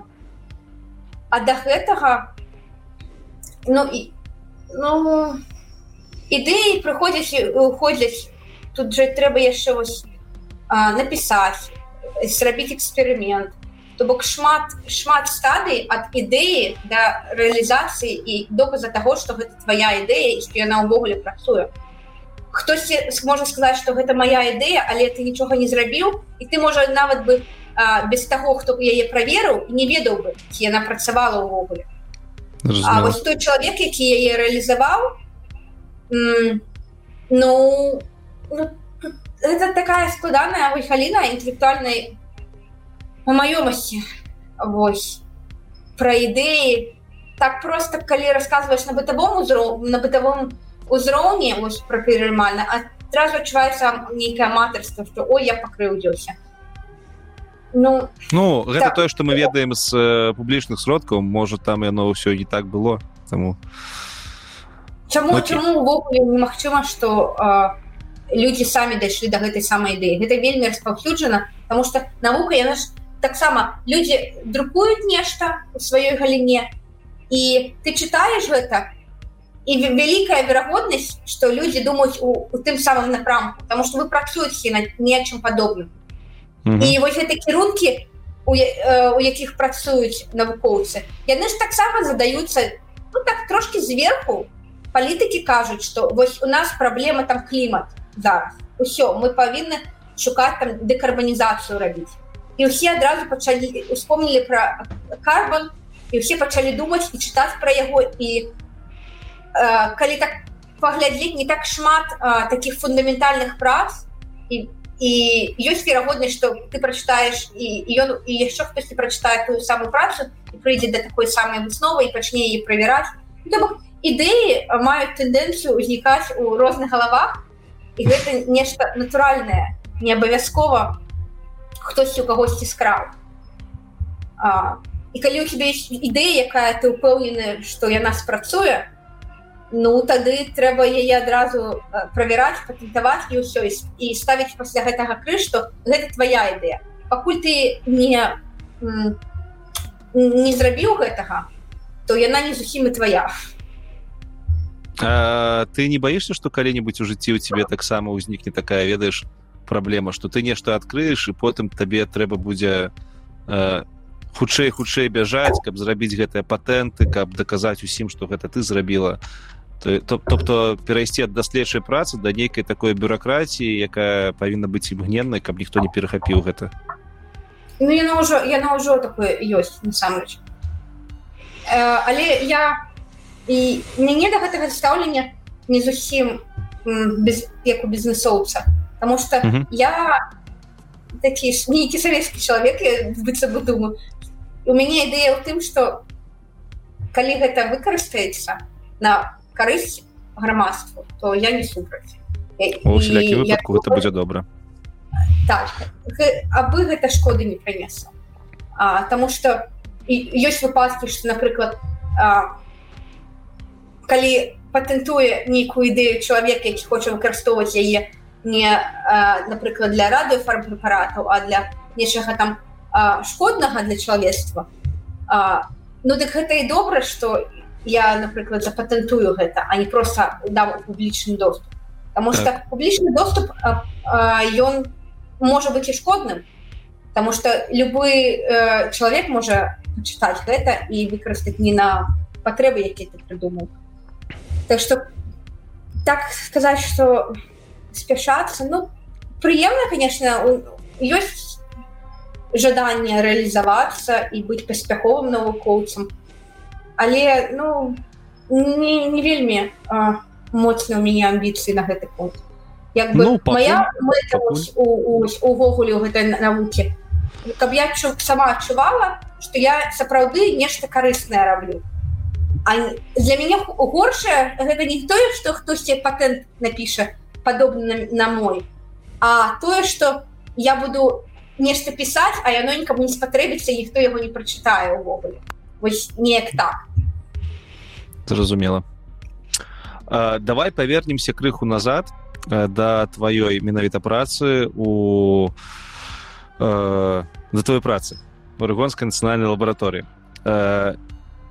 яна мне падаецца пераклікаецца з ну, яна точно пераклікаецца дакладна з ядернай фізікай і зараз такое пытанне ёсць ядерная неядерная атомная электрастанцыя там выкарыстоўваецца топліва гэта паліва гэта паліва это і уран і яшчэ нешта цяжкія элементы. І падаецца что адходы якія з гэтага паліва атрымліваюцца могуць выкарыстоўвацца і ў твоёй працы. Ці я правильно разумею гэты момант можна можна ли з адходаў якія атрымліваюцца у атамных электрастанцыях вырабляць вось гэты гэтыя рэчы як на працы. Бо для, для чалавека які першы раз все гэта слухае падаецца што вось на працу у вас ёсць рэактар вы там нейкі уран а бярыцё з яго робіце другія элементы. І на атамнай электрастанцыі у нас таксама ёсць уранавыя гэтыя стэжні твэлы э, цеплавызляльныя элементы. У них там яны там тоже на нешта распадаюцца і вроде как можна было б гэтыя адходы браць і з іх рабіць тое што вам патрэбна вось такі бытавы ўровень разважання тэоретычна ну магчыма але гэта ўсё зно таки упіраецца у тое чым я займаюся. Гэта не так просто і трэба тэхналогія. Як як все ж таки з гэтага ўсяго смецця атрымаць тое что нам патрэбна у форме якую мы хочам. І гэта вельмі складана ты не можешь прыйсці на свалку сказать я хочу машину вось тут свалка машин дакладна тэоретычна ты можешь атрымаць машину але паспрабуй спрабуй зрабіць нешта такое э, разумное і что будзе ехать. Ну прыкладна ну то напрамак якім вы працуеце гэта не той напрамак які мы працую вам не прывозяць адыходы з атомных электрастанцый вось моя дысертацыя да, да, была краналася гэтай темы яна непасрэдна тычылася таго як перапрацоўваць паліва атомных станцый новымі новымі спосабамі. І вось некаторыя некаторыя новыя рэчыва якія могуць выцягнуць тое што нам патрэбна і пакінуць у гэтым ядерным топліве паліве тое што не патрэбна я даследавала. Вось як як яны дакладна арганізуюцца што яны выцягваюць нешта патрэбнае Чаму гэта так працуе а, і можа калі ідэя была тым што калі мы зразумеем як пэўныя рэчыва выцягваюць актыноіды так? а лантаноіды застаюцца якія мы не хацелі каб яны цягнуліся разам з актыноідамі калі мы зразумеем як это як гэты працэс працуе дык можа мы і здолеем зрабіць гэты эту перапрацоўку ядзернага паліва больш эфектыўна mm -hmm. але гэта ну гэта вельмі вельмі непросто. Гэта можна сказаць працуюць інстытуты і можа дзесьці э, можа дзесьці і ёсць ідэі як это зрабіць але ж трэба давесці гэта да прамысловага ўзроўню. Таму что то что ты там зрабіў на мадэльным растворы і паказаў гэта зусім іншыя умовы калі ты маеш значна большую канцэнтрацыю гэтых розных элементаў. І часто ты не ведаеш дакладна якія умовы Таму что у гэтым а, у гэтым так скажем адпрацаваным паліве. Один склад у іншым другі. Mm, там, это не неаднародная сумесь усялякіх элементаў да, так? выдзяляе ты ведаеш что ўсё залежыць ад усяго так? Розныя фактары важны але ты не ведаеш якія дакладна у цябе пачатковыя фактары і гэта ускладняе працэс. І ну, вось мяне просто гэта крыху здзіўляла раней што мол ёсць такая велізарная праблема з магільнікамі ўсіх гэтых адходаў ад ядзернага паліва. Чаму нельга я не ведаю паліць нейкай аля содай і ўсё гэта пагасіць? А атрымліваецца што гэта вельмі ну, под словом пагасіць я маю на увазе прывесці там усе ты элементы якія ў гэтых адыходах есть да стабільнага стану каб яны не распадаліся не каардацыі не было напрыклад так паліць содай гэта хімічны працэс радыактыўны распад гэта працэс фізічны што б ты не рабіў з тым скажем тэхнецыям які раз или малібдэнам які распадаюць або урану што б ты з ім не рабіў хімічна гэтыя ўсе хімічныя працэсы яны на яны не кранаюць ядро.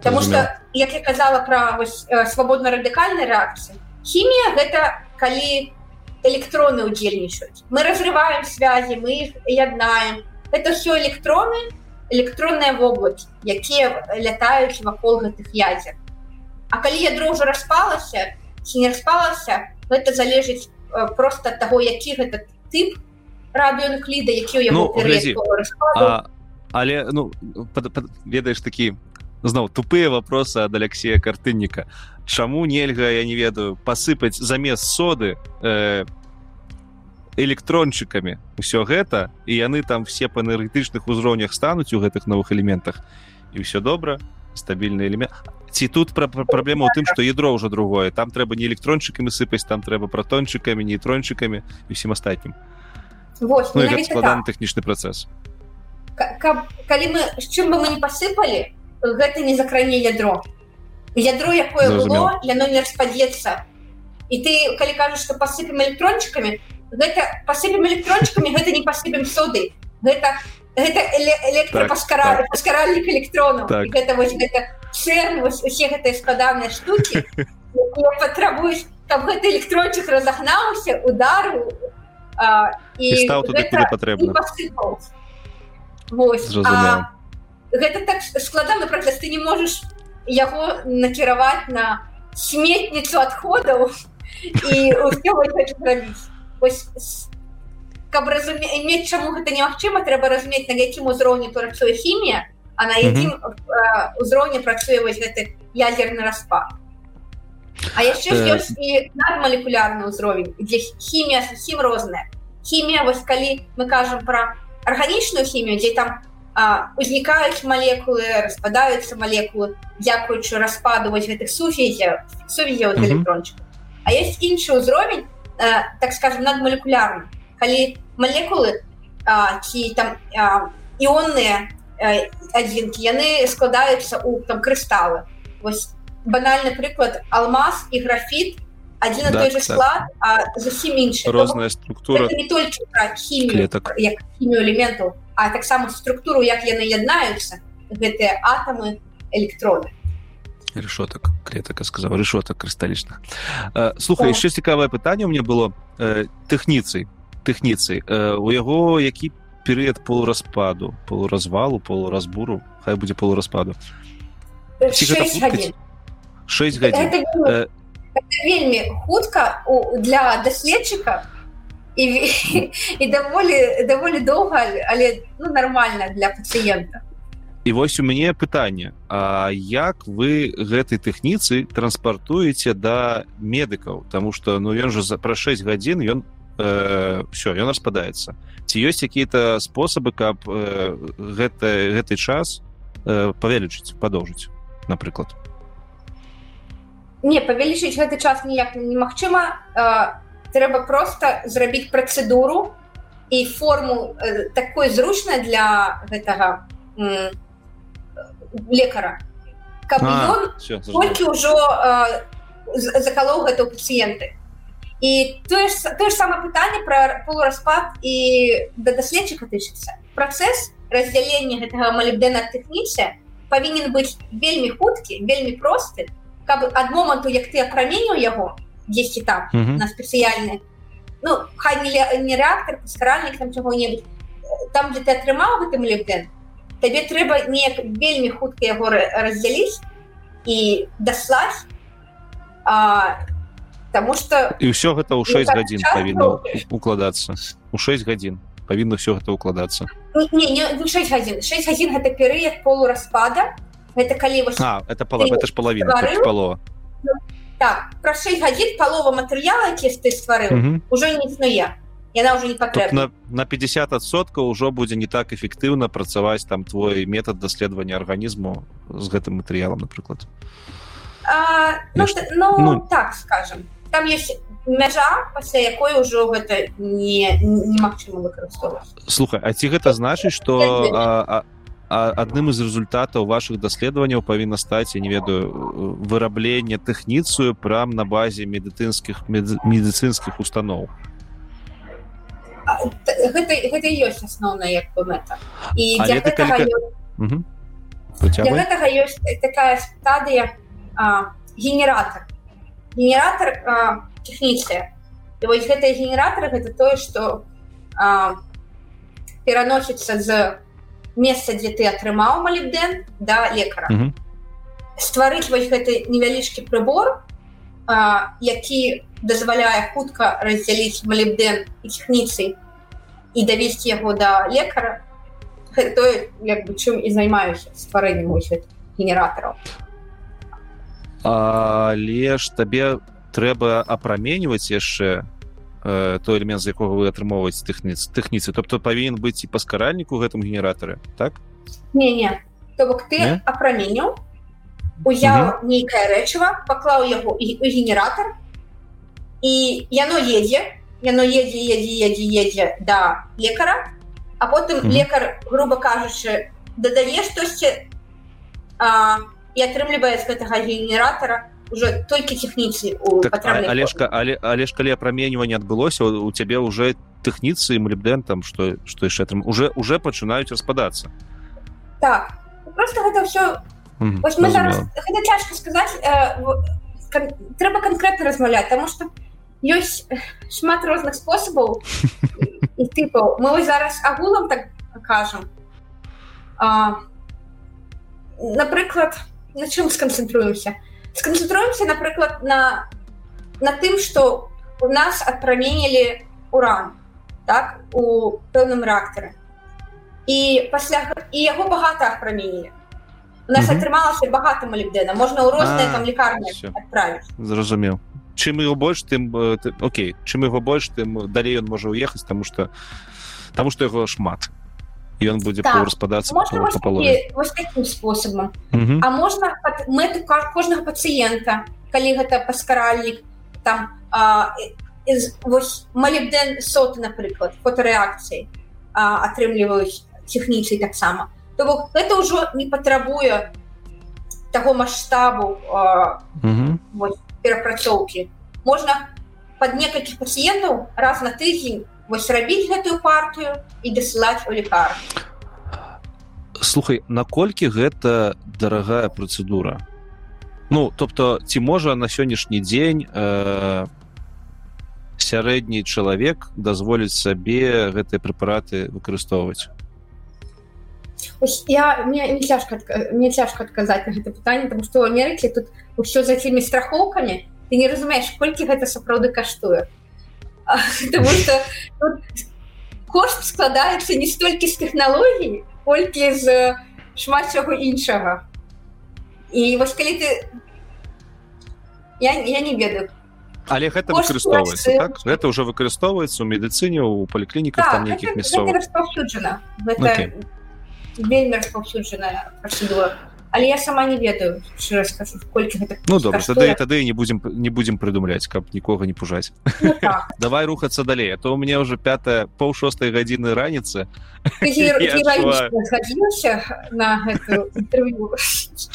У нас засталася апошняя частка дзе я хочу паговорыць з табой крыху про беларускасць. Про беларускасць про тое як ты прыйшла ўвогуле там да беларускай мовы і да беларускай культуры. Таму у э, каротенька калі у цябе ў жыцці з'явілася беларуская мова на у паўсядзённым жыцці на пастаяннай выснове можна так сказать.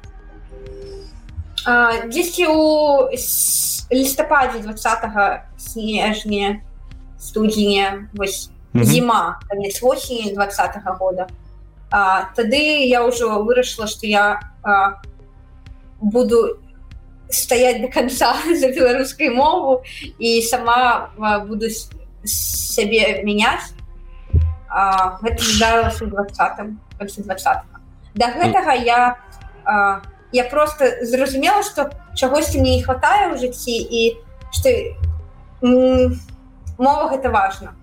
Для для того каб я адчувала сябе беларускай а, і я пачала чытаць на беларускай мове глядзець что знаходзіла відэа YouTube фільмы на беларускай мове. Это пачалося 10 у 2018 можа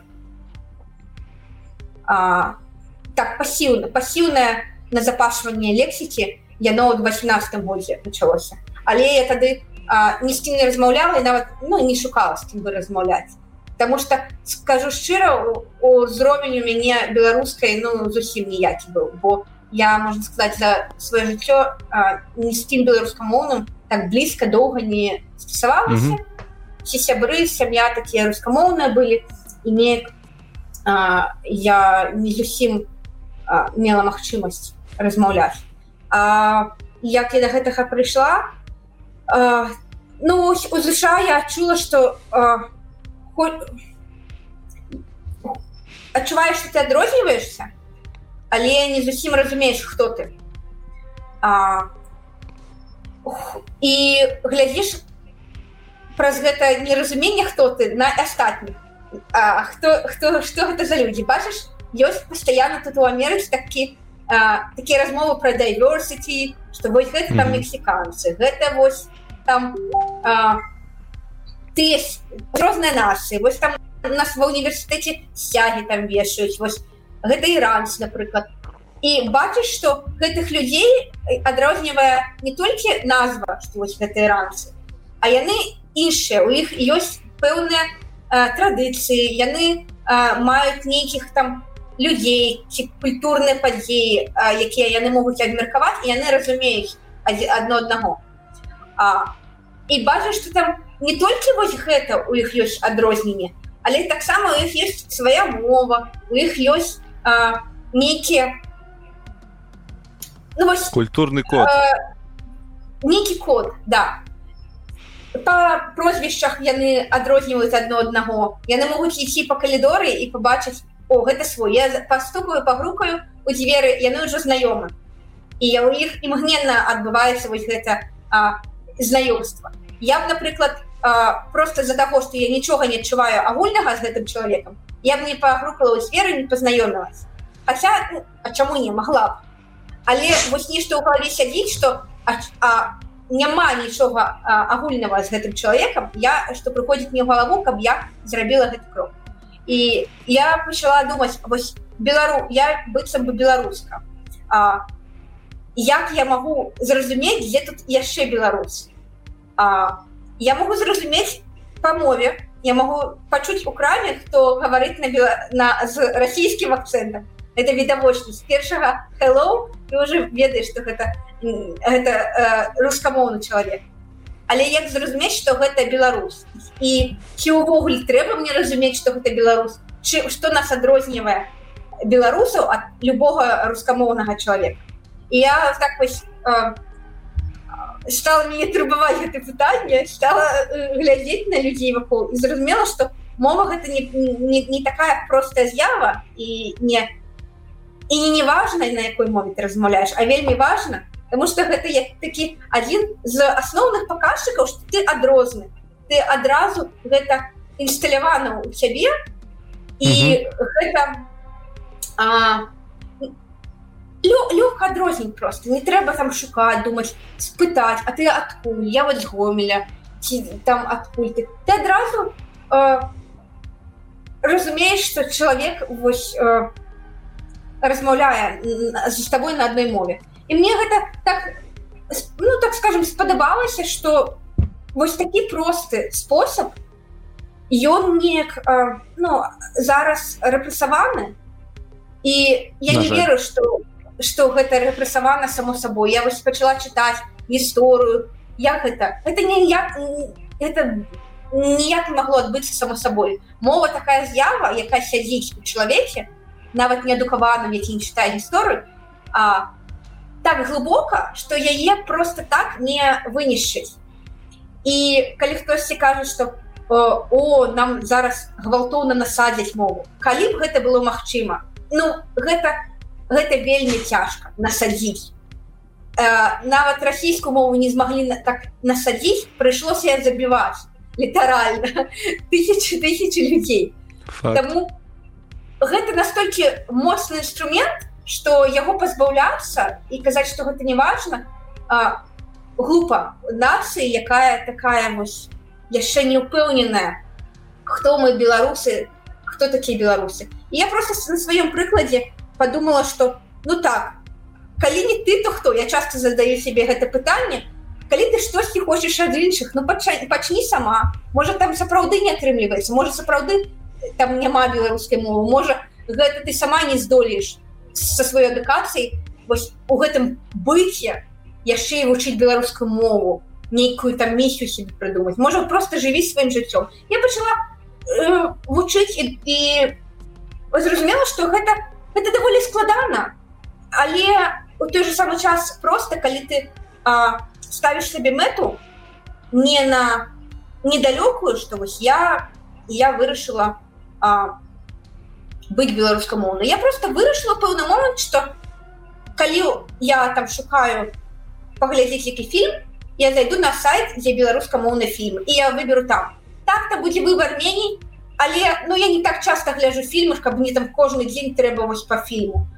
А, мне да сысто будзе калі я там шукаю кнігу почытаць я я читаю беларускую моўную кнігу а, калі там а, вось старонку напрыклад у нстаграме думаю чаго я вяду яе на расійскай мове ну буду на беларускай буду трэніравацца хоть на дзень я штосьці там напишу два сказы а, на, на беларускай мове можа за услоўнік зайду і таким чынам слова на дзень можа праз 10 гадоў я уже буду ведаць і разумець яе добра Вось такія вось маленькія мэты паспрабавала на сябе і мне здаецца гэта гэта магчыма гэта важна рабіць гэта працягваць ну вось, вось такі шлях А зараз дачкой таксама такі эксперымент тому что э, дачка таксама вучыць беларускую мову.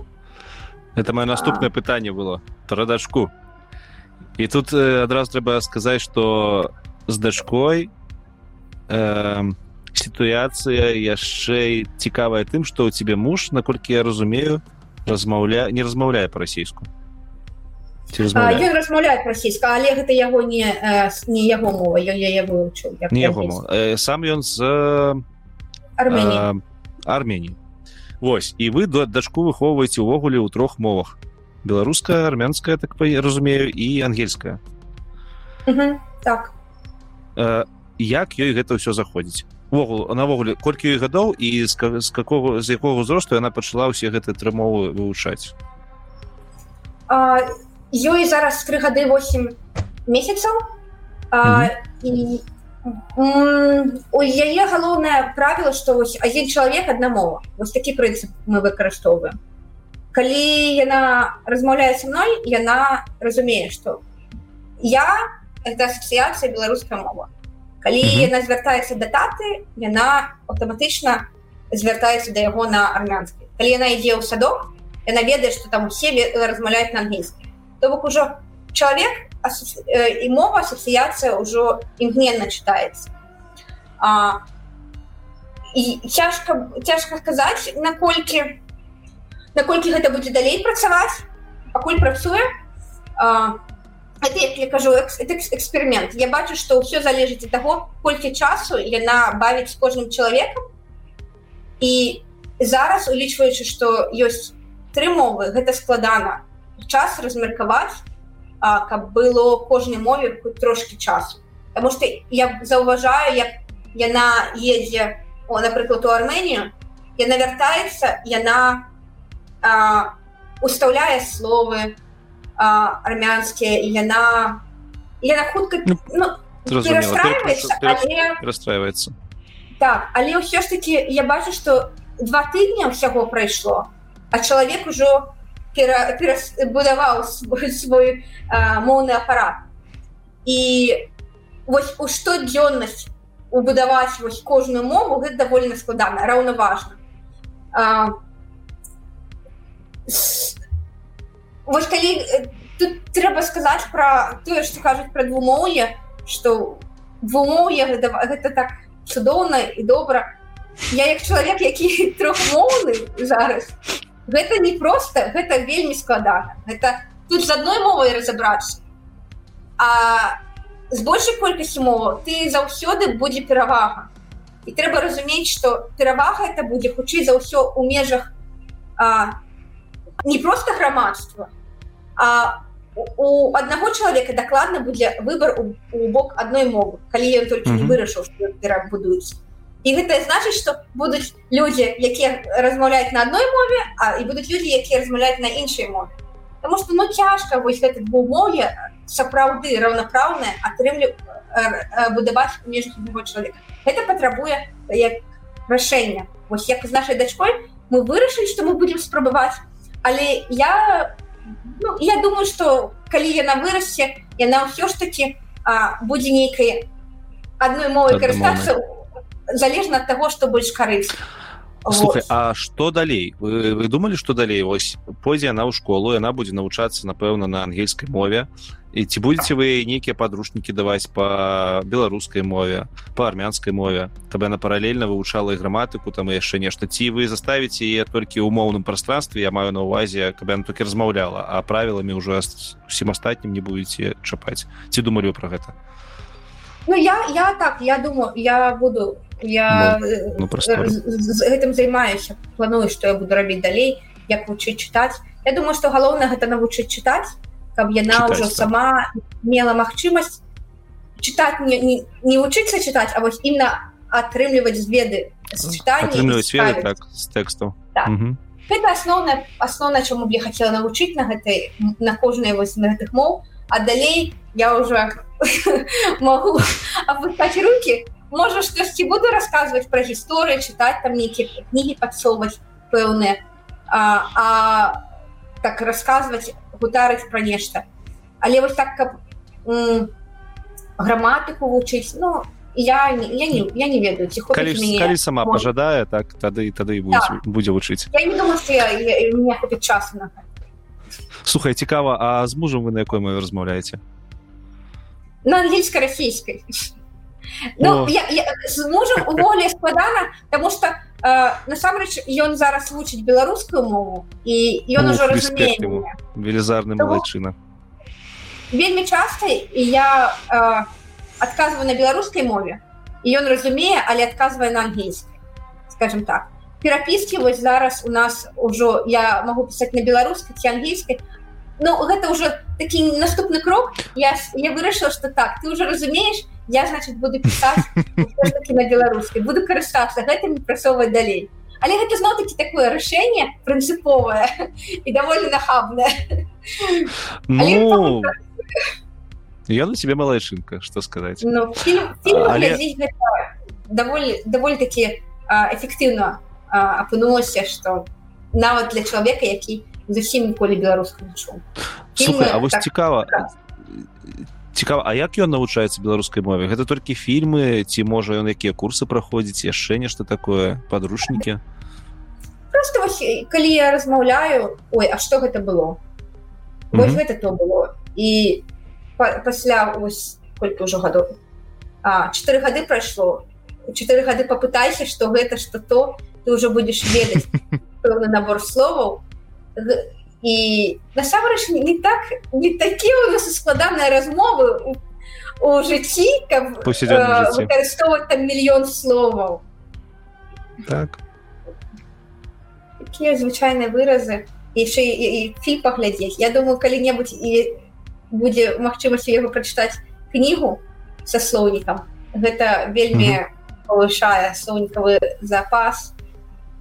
Зусім можна і размаўляць добра а у асяроддзі тых э, беларусаў якіх ты ведаеш у ЗША увогуле ці ведаеш ты беларусаў ЗША напэўна ведаеш ну напэўна ведаю даволі даволі актыўна стасуюся з беларусамі ЗША ну, і і ці ці распаўсюджана ў іх размаўляць по-беларуску ці з'явіліся у цябе ў асяроддзе людзі якія размаўляюць по-беларуску у вауфлайнавым асяроддзе ось у мяне у мяне ўжо склалася даволі усе мае знаёмыя на беларускай мове размаўляюць в офлайне так, гэта колькі можа гэта один ці два? Не учора учора было свята baby shower колькі ну, багата было гасцей усе былі беларускамоўныя ну, скажу шыкоўна шыкоўна 15 чалавек человек я, я, я для сябе бачу што калі збіраецца велізарная суполка там беларусаў то ну невялікі адсотак беларускамоўныя якія самі пачынаюць размову по-беларуску калі я звяртаюсь на беларускай мне ўсе адказваюць як быццам бы яны беларускамоўны і тут цяжка сказаць ці ты беларускамоўны ці ты толькі беларускамоўны калі хтосьці прынцыпова беларускамоўна звяртаецца да цябе А ці ёсць розніца у гэты момант напэўна няма не няма розніцы я я бачу што сярод актыўных людзей таких актывістаў ам, амаль вось пасля двадцатого года амаль ужо ўсе перайшлі на беларускую мову. І асэнсавана вось размаўляюць mm -hmm. на беларускай мове. А але больш але ж актывісты это ну, меншасць заўсёды што. І калі збіраюцца усякія людзі просто на нейкае свята там уже будзе будзеш чуць расійскую мову як асноўную але вось вядучыя вось нейкія такія галоўныя людзі на свяце. Ну ты заўсёды заўважаеш што там лідар яны будуць размаўляць на беларускай мове. Яны вось будуць штосьці казаць астатнія будуць слухаць і задаваць пытанне на расійскай не вось так у меня успрымаецца что беларуская вот такая больш актыўная лідерская нейкая зараз мова стала. Можа так і было а не стала можа не права. А як твои бацькі э, адносяцца до того что ты перайшла на беларускую мову? Ці ты з імі размаўляешь по-беларуску ці не бо для а... шмат каго гэта складанае пытанне калі у цябе ў сям'і размаўляюць по-расейску і ты адчуваеш нейкую неёмкасць калі пераходзіш на беларускую мову Вось мне тут ёсць чым пахваліцца нават потому что у мяне бацькі так. яны хаця расійскамоўныя заўсёды былі не сказаць то яны не падтрымлівалі беларускую мову але дакладна яны не хацелі нічога вучыць адчапіся вось так размаўляй mm -hmm. на якой хочаш але нас не супай а, зараз э, я размаўляю на беларускай мове выключна сестра моя перайшла на беларускую мову выключна. А то бок з двух бакоў мы пачалі уже размаўляць толькі на беларускай мове. І зараз такі момант быў не так даўно что я бачу что нас чат сямейны ён на беларускай мове уже. Абсолютно все. Мама бабу э, мама папа цёся але але спрабуюць з э, расійскай літарай і але ўжо малайчыны дзяўчаты з памылкай на памылкі але ўсё ж таки размаўляюць нават брат які не здавалася ну, мяне на 10 гадоў маладзей ён мне здавалася зусім беларускай не ведае што ў школе там гісторыі не было на беларускай мове там вучыўся ён э, ну, не вельмі добра прогульваў беларускую мову. Думаю ну ён напэўна зусім не разумею. Не ён разумее і нават адказвае так что э, пратэста з боку бацькоў не было было спачатку такая холод як бы. Яны адказвалі на расійскай ну я казала на беларускай я я скаржылася что мне цяжка ну напрыклад маме потому что кажу я толькі перахожу ну скажи ты хоць хоть якое слово беларускае не, не зусім калі ты мяне разумееш гэта значит дакладна можешь штосьці адказаць хотя б на трасянцы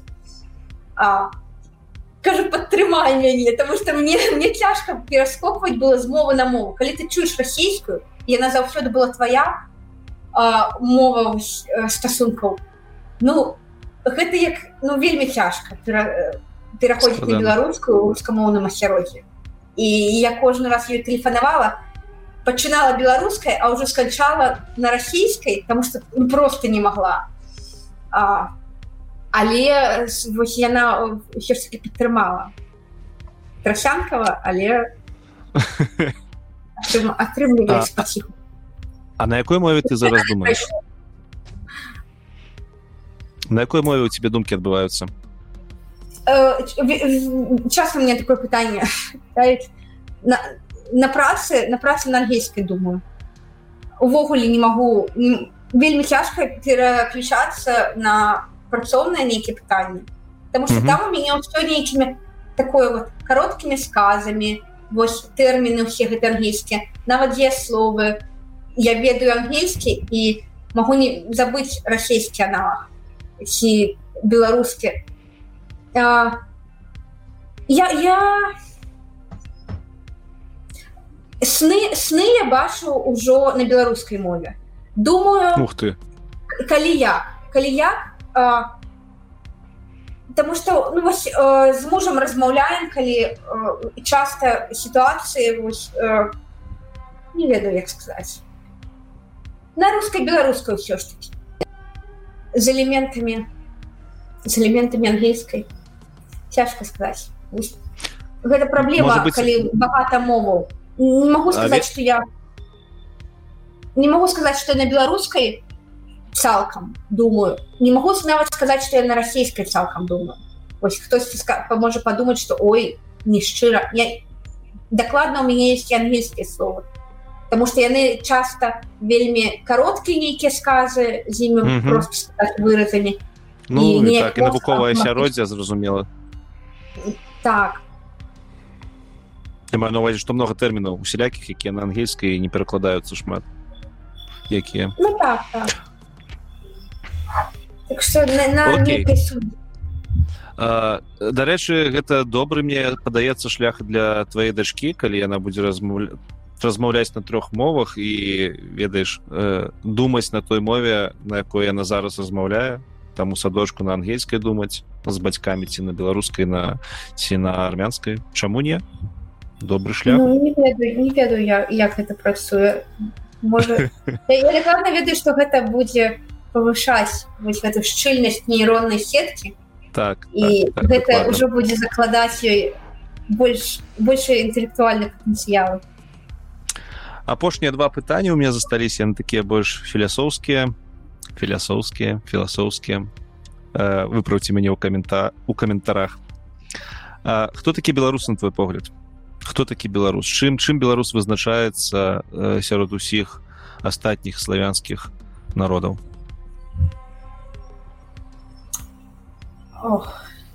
это яшчэ на тры гадзіны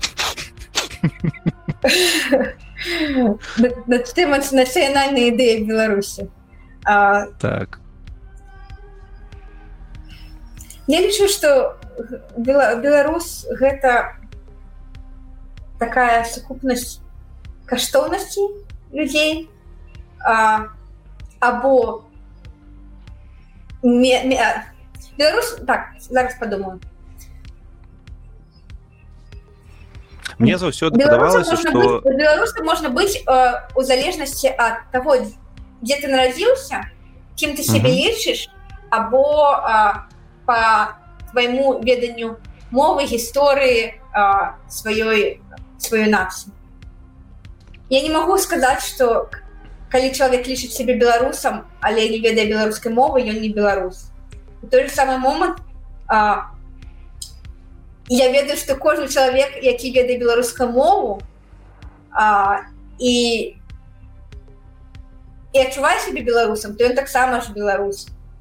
Тут, тут складана. Пытанне. А ці можна быць беларусам не нарадзіўшись у беларусі? Ну, вядома ж можна. А, вось, калі ты Напры... адчуваеш себе беларусам калі ты адчуваеш не, нейкую сувязь з гэтай гісторыі з гэтай мовай з гэтымі людзьмі беларусамі Ну вядома ж ты будзеш ты беларусам зноў-таки пра дачку яна так, лічыць себе так. беларускай яна яна кажа беларускай яна ў гэтым кантэксце беларускамоўным там песні спявае беларускія ну, твоя дачка гэта вельмі незвычайны незвычайны выпадак тому что яна і также можа лічыць сябе і чалавекам армянкай так армянкай армянінам ну, ну, правильно. одно другому не заменяе так. Это насамрэч гэта вельмі цікавая думка. Я раней заўсёды лічыў что калі ты выязджаешь за мяжу то твои дзеці дакладна будуць тымі э, ну грамадзяне грамадзянамі той страны якую ты выехаў і потым у мне адбылася гутарка с адным сябрам з германії які нарадзіўся ў германії але яго бацькі палякі і ён мне кажа я сябе не адчуваю немцам. Я я разумею я размаўляю я все все разумею але некаторыя рэчы мне увогуле не зразумела там з культурнага коду ці з яшчэ чагосьці і я такі думаю ну нифіга сабе а ведь дакладна так атрыму атрымліваецца тобто ну, тое хто ты асяроддзе асяроддзе цябе фарміруе я я ўсё ж таки тут яшчэ пытанне вось кого лічыць беларусам а калі mm -hmm. чалавек сам себе лічыць беларусам а ён будзе беларус у нас такая такі дэфіцыт беларусаў якія хочуць быць э, беларусамі што хай яны ўсе будуць другое другое другога боку ці зразумела іншым что ты беларус потому что там хтосьці ўсіх э, шпіталі тоже таксама скажу я наполеон. Ці наполеон скажем так. Ну можа можа ён наполеон калі ён лічыць себе наполеоном. Але ўсё ж таки нейкія такія аб'ектыўныя паказчыкі мусяць быць. Калі ты не нарадзіўся ў беларусі няма там гэтага ж пашпарта а, за что ты будешь вось чапляцца?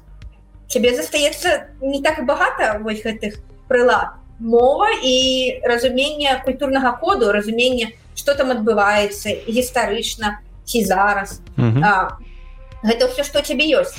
Інакш ты просто наполеон які крычыць у палаце. Так і ў гэтым сэнсе дарэчы таксама прыходзіць думка такая незвычайная што пашпарт увогуле нішто у параўнанні з тым што ты ведаеш пра той народ якім ты сябе вызначаеш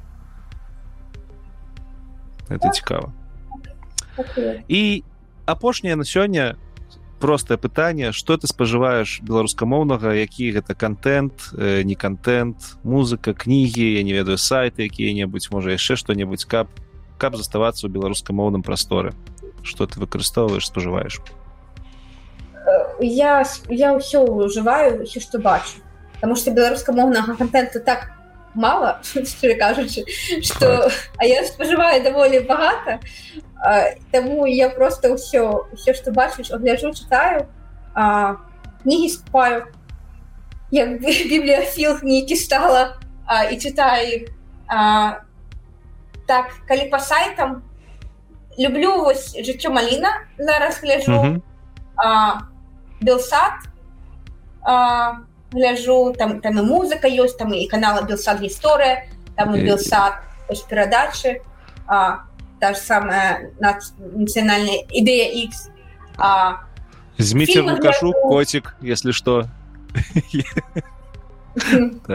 Пробачьте, это а, привитание. Глядела э, фильмы на телеграм-каналах есть. Як это лагодный смог.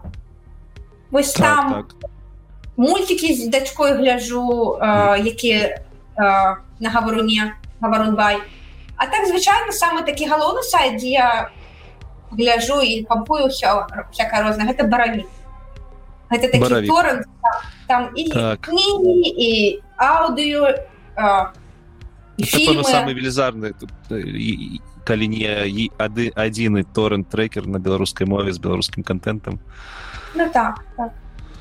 слухай а...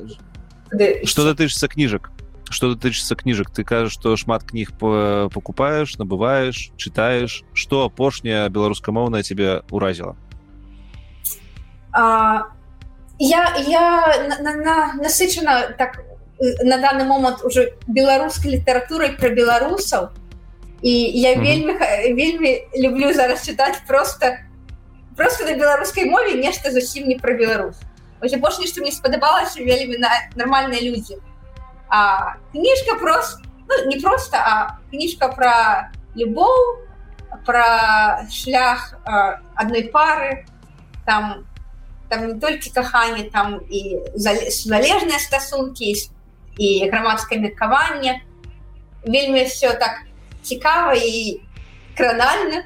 І гэта сусветны такі бестселлер. Нічога про беларускае про беларускае грамадства але было было лёгка чытаць. Адкрыў за вечер прачытаў не хацелася каб яна сканчалася. Ось такія кнігі я зараз а, бойцовский клуб зараз читаю Вось. есть такая серия американка а, там а, угу. такая классичная классичные а, творы перакладзены на беларускую мову. Вось, я всю эту серую себе купила и читаю зараз. Пачала гэтага бойцовскага клуба. Бойцовский клуб нават там есть? Нічого себе. Так. угу круто круто. А может табе трапляла что-нибудь з фантастыкі ці фэнтэзі на беларускай мове акрамя гары поттера бо я вельмі закаханы ў гэтыя жанры і вось не ведаю што пачытаць. Я вось яго пазбягаю сказаць чого, чого я пазбегала так? Навукова папулярная так? Так у тым ліку. Станіслав лем перакладзены ёсць. Лем ёсць перакладзены на беларускую мову? Так. так.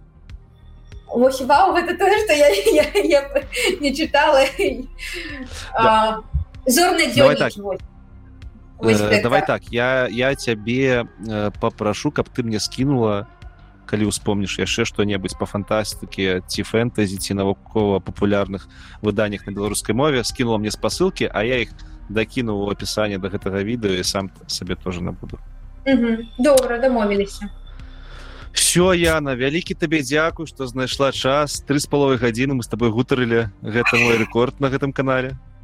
Ой, дзякуй што ты вытрымаў. І я я уже сама пасля дня працы стамілася я не ведаю як ты ночь, я вельмі люблю слухаць людзей асабліва людзей якія э, ведаюць шмат таго чаго не ведаю я. Сёння я не ведаў увогуле нічога што ты мне распавядала таму вялікі дзякуй яшчэ раз. Сябры вы толькі што праслухалі ці праглядзелі другі выпуск подкасту цёмны лёс велізарны вам дзякую за то что вы гэта зрабілі і калі выпуск вам адгукнуўся спадабаўся то не сароміцеся заставляць каментары я уже ведаю что не каментары а каментары таксама у канала ёсць патрыёны калі вы жадаеце падтрымаць э, цёмны лёс то можете стаць патронам і для патрона у нас ёсць асабісты чат у дискордзе дзе мы размаўляем по-беларуску заставляем спасылкі народныя ресурсы і просто бавім час разам на гэтым у мяне сёння ўсё не забывайтеся на мову э, не забывайтеся на беларускасць заставайцеся беларусамі пачуемся у наступным выпуску подкасту цёмны лёс пакуль. Баюсь, цяпер немагчыма збегчы ад хуткіх сноў тваіх але